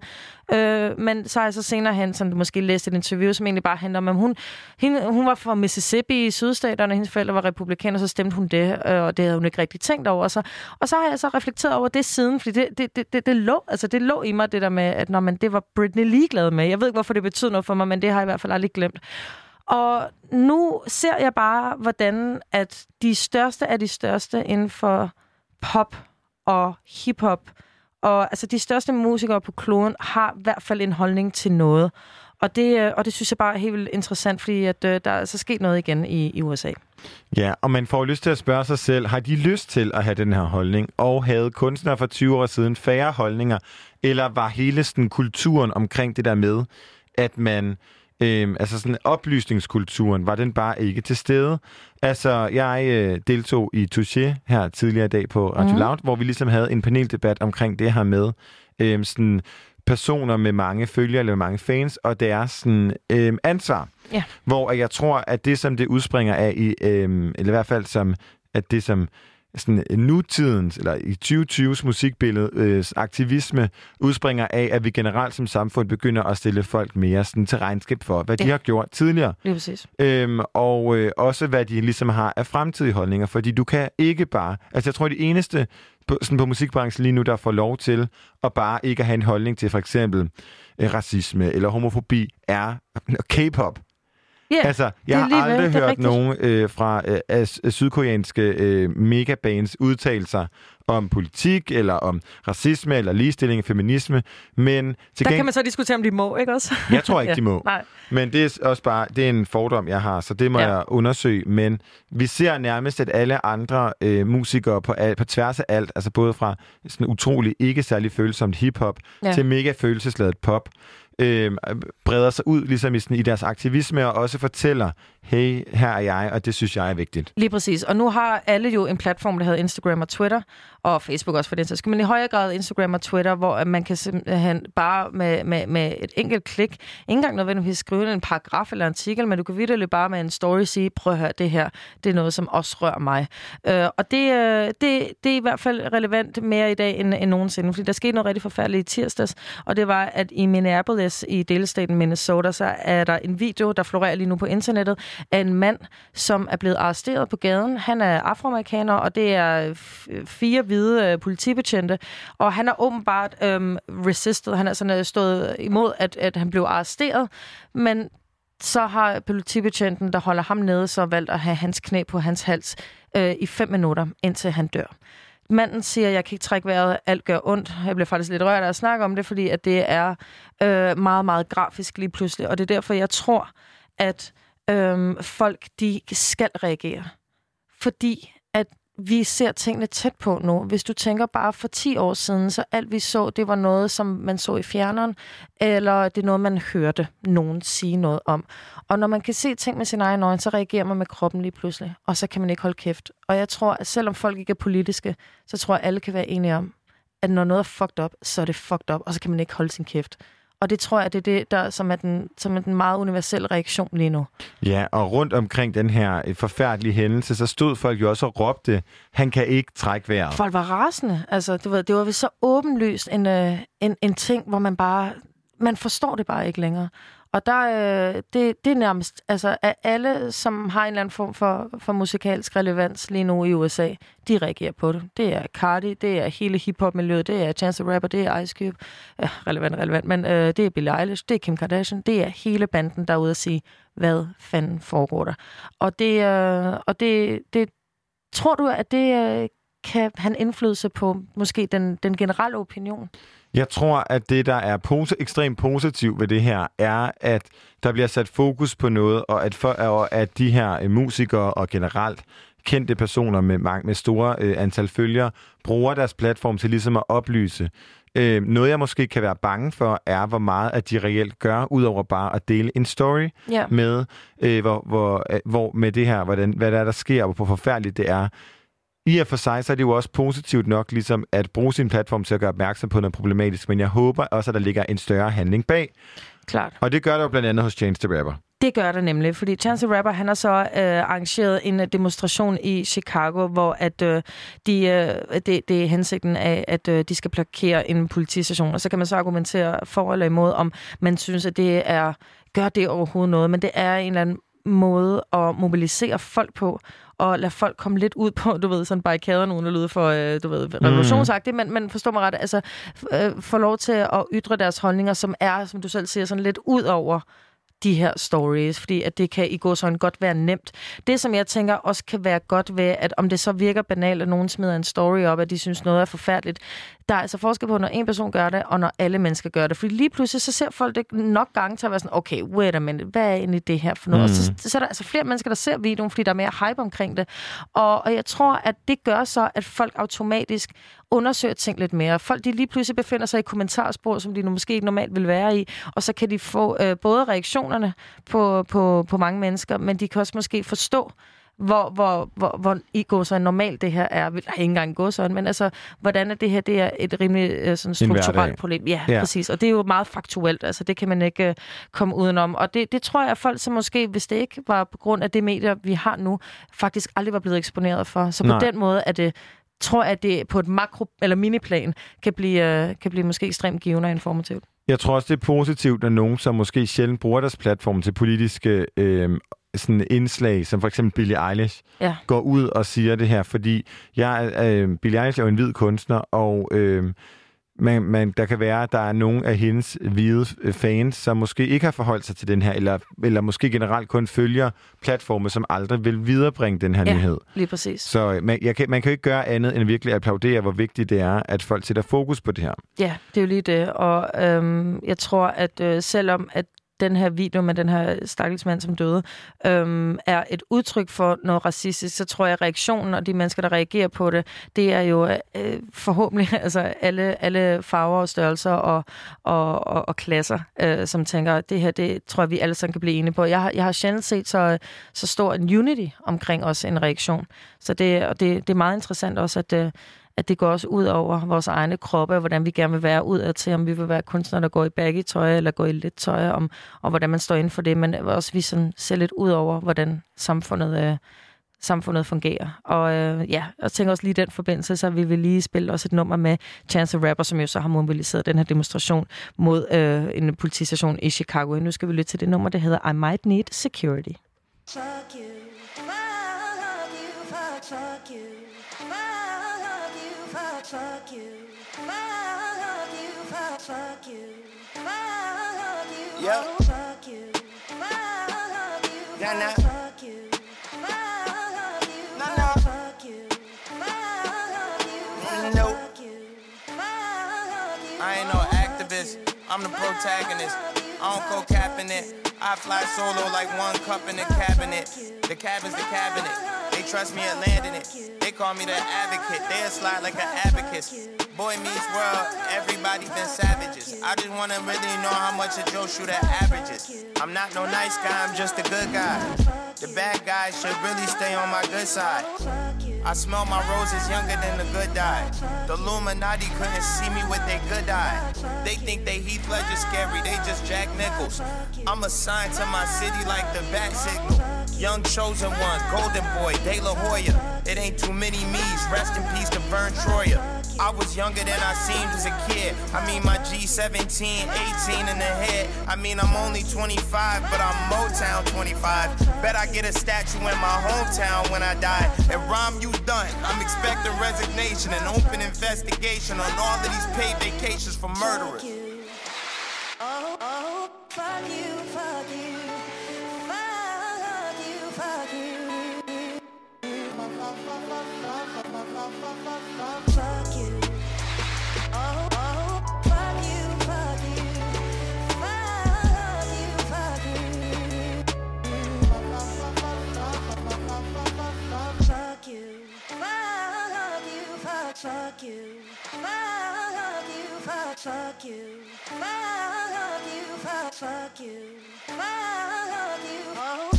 No paper, I got a sign at the bottom.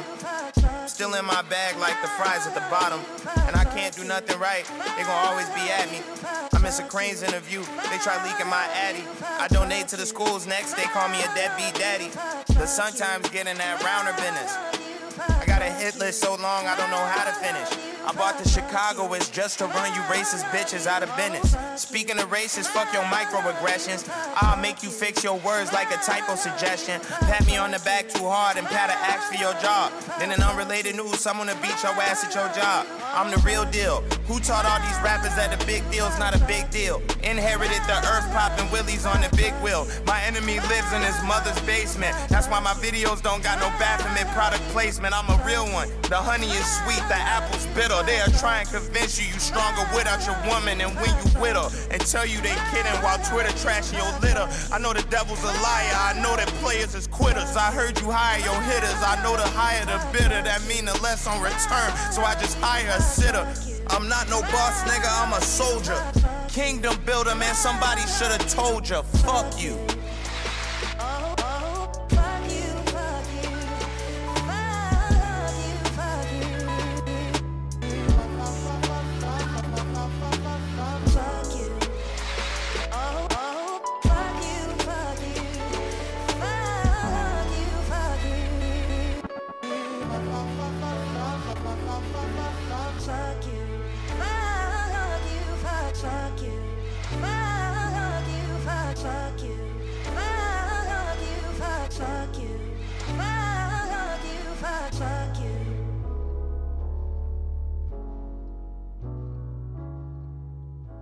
Det, du lytter til her, det er I Might Need Security fra Chance the Rapper, og det er lidt øh, ja, i forlængelse af den snak, vi lige har haft om den racisme, øh, som øh, sker lige nu i USA, og, og som et udfald af det, øh, er det så et mistet tab af den kære George Floyd fra øh, Minneapolis, og selvfølgelig vilde fred, og tankerne går ud til ham og hans familie.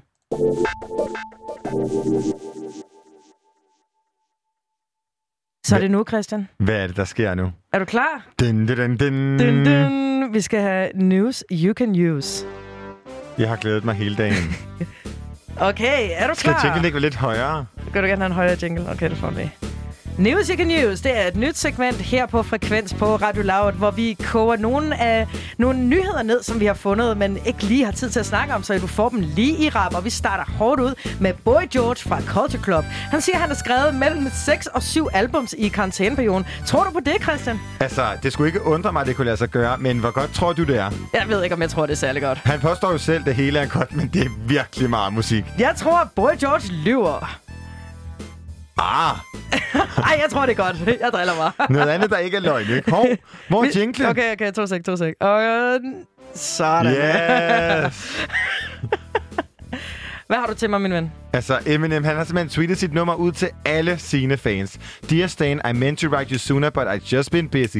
Text me, I'll hit you back. Sådan, Eminem. We'll find a way to stay relevant. Fordi at M's, øh, eller Eminems Marshall Mathers LP har fyldt 20 år, og der er den sang, der hedder Stand der på, hvor at, øh, ja, det ord, som vi nu kender som en fanatisk fan, jo øh, var der, det hele startede. Så han har smidt sit nummer ud, så han kan skrive til alle stands derude. Har du, har du sms'er ham, Becca? Det kan du tro mange gange, med en masse aubergine Har så jeg skulle til at sige noget andet. Men har, har du fået et svar? Nix. Nu er jinglen gået ud igen. Ja, men den er 43 sekunder lang, der er ikke så meget at gøre.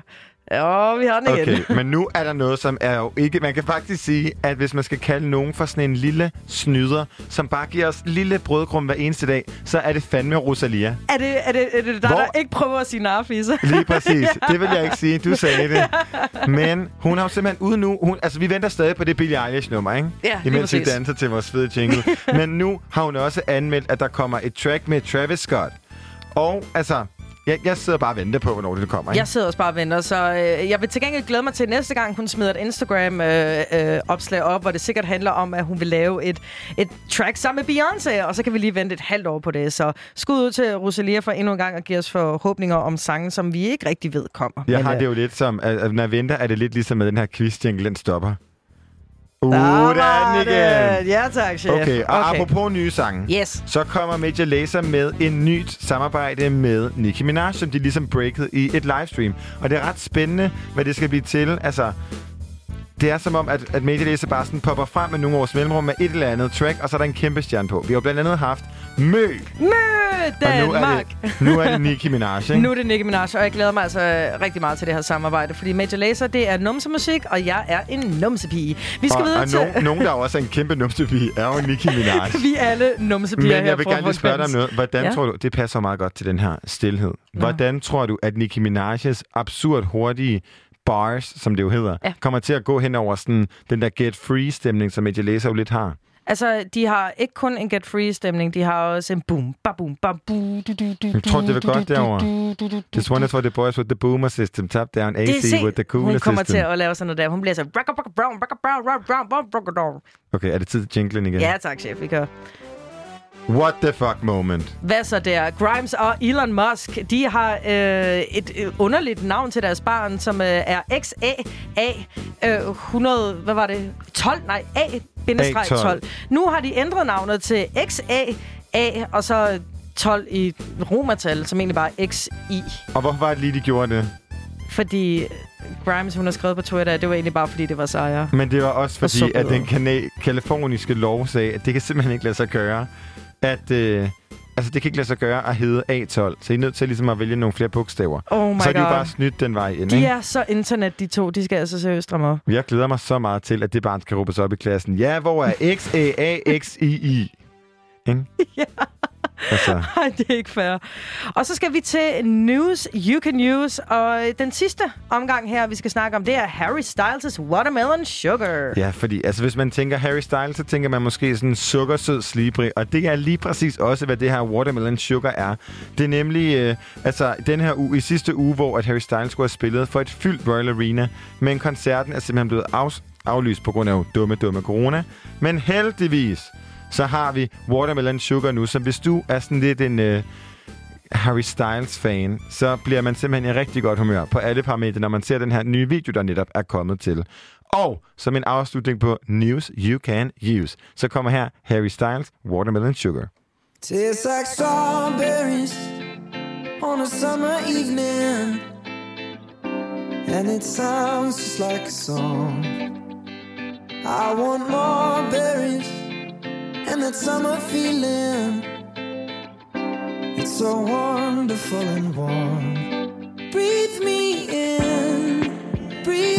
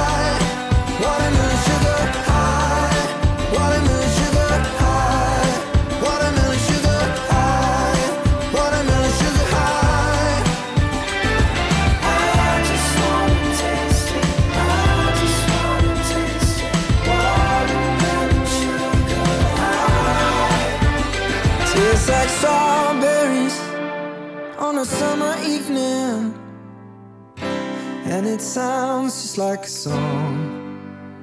I want your belly and that summer feeling. I don't know if I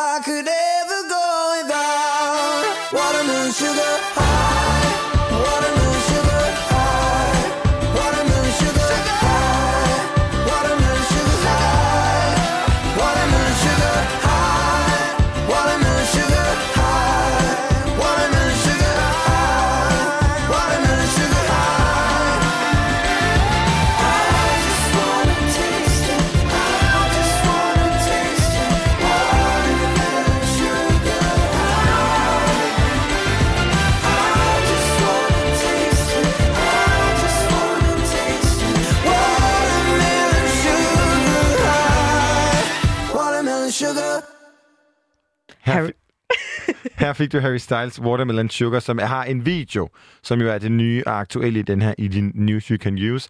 Og øh, den video, man simpelthen skal gå ind og se, den har lidt sådan en... Øh, altså, jeg tolker det lidt som, det handler lidt om moralsex. Okay, alright. Men om watermelon og sugar, og jeg tænker nogle saft og sådan noget. Men øh, hvis du kan lytte og har en anden tolkning, så er det simpelthen bare at sende os en mail, og så sige, Christian, du er helt galt på den. Jeg smutter hjem, så jeg skal lige hjem og se. Hej hej. Hej. Hvad er dit forhold til Gorillaz, Christian? Altså, det er jo faktisk kun uh, Feel Good Inc. og Clint Eastwood, og så ham der, var det forsangeren, der faldt ned af scenen på Roskilde? Nej, det var ikke forsanger. Det var et medlem fra Della Soul, som rapper i uh, Feel Good Inc. Ja. ja som, uh, um, som, uh, som faldt ned på Orange Scene. Jeg tror, uh, vi skal lige spole lidt tilbage. 2018, Orange Scene. Der er en, der siger, nej, det er Clint Eastwood, undskyld. Og så kommer han på scenen, og så siger han, someone there to get it out of my head. Og så spiller han videre det, og manden forsvinder bare. Altså, det, er, det ser så vildt ud. Det, han går bare ud over scenen, og det er jo fordi Roskilde har lidt sådan en, øh, et, et, et, et, på en eller anden måde sådan lyset, der kan man gå ud igennem, men så er der stadigvæk en kant, som ikke rigtig er der. Ja.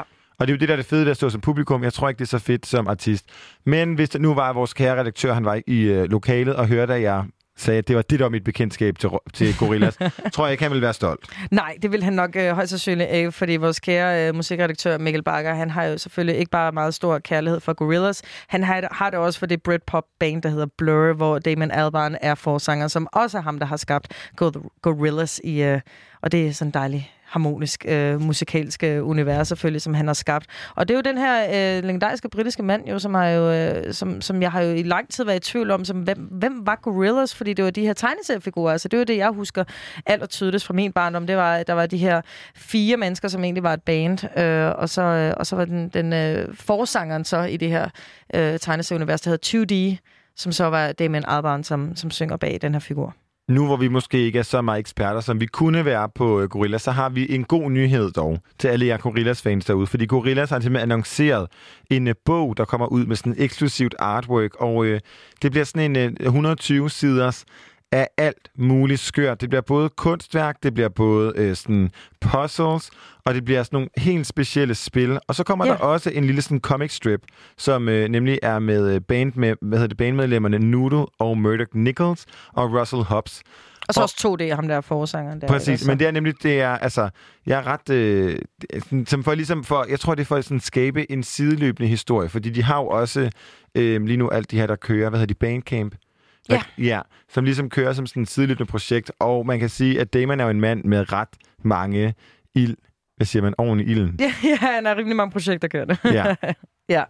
Og øh, det, øh, altså, han øh, har lige været på øh, den talkshow-program, der hedder, ja, Late Show, har jeg lyst til at sige. Det er det nok ikke. Øh, Jimmy Kimmel Live hedder det, hvor at Damon Albarn, han har lige spillet live, hvor at, du ved, når man laver FaceTime eller Skype, at man er sådan mm. selv i sin lille vindue, og så ser man på storskærmen den, man snakker med. Så i det lille vindue, der er nede i hjørnet, så er det 2D, som er den her Gorillas frontfigur, som også er ham. Og det er sjovt, du lavede en ret fed parallel tidligere, fordi at øh, vi har jo snakket med Flake på det her program, hvor at de ikke 100% vil indrømme, hvem det var Mercedes er. Når det, og det viser sig nu, at efter pladen er kommet ud, at de indrømmer, at Mercedes det egentlig bare er forsanger Masses vokal, der er blevet både pitchet opad, men også fået nogle ekstra effekter, så man kan lave et alter ego ved at manipulere ens egen lyd. Og det er jo også det, det min Adbarn har gjort med, med hans karakter. Så man kan se ham spille live i uh, Jimmy Kimmel, men øh, altså på, på sit klaver, og så øh, laver han så en duet med sig selv med effekter. Jeg ved faktisk ikke lige, hvordan de har fået det på plads. Det er rimelig sejt i hvert fald. Det er, det er lavet sådan, at 2D ligesom sidder og venter indtil, at hans i gåseøjne Ja. vers kommer. Og jeg kom faktisk til at tænke på noget, hvilket er ret sjovt, og jeg er sikker på, at Gorillaz gjorde det før. Men øh, mit yndlings Oland-album, Fauna, har jo også virkelig sådan to karakterer, som begge to er Nana Øland, men bare med sådan en meget, meget, meget autotunet, dyb, dyb, dybt øh, sådan anden stemme. Og det er jo, en, det er jo en virkelig, det er et godt greb at gøre, når man ikke har mulighed for at flere mennesker ind, men også sådan, når man bare måske sådan skal optræde og bare skal kunne være sig selv i øh, begge mikrofoner.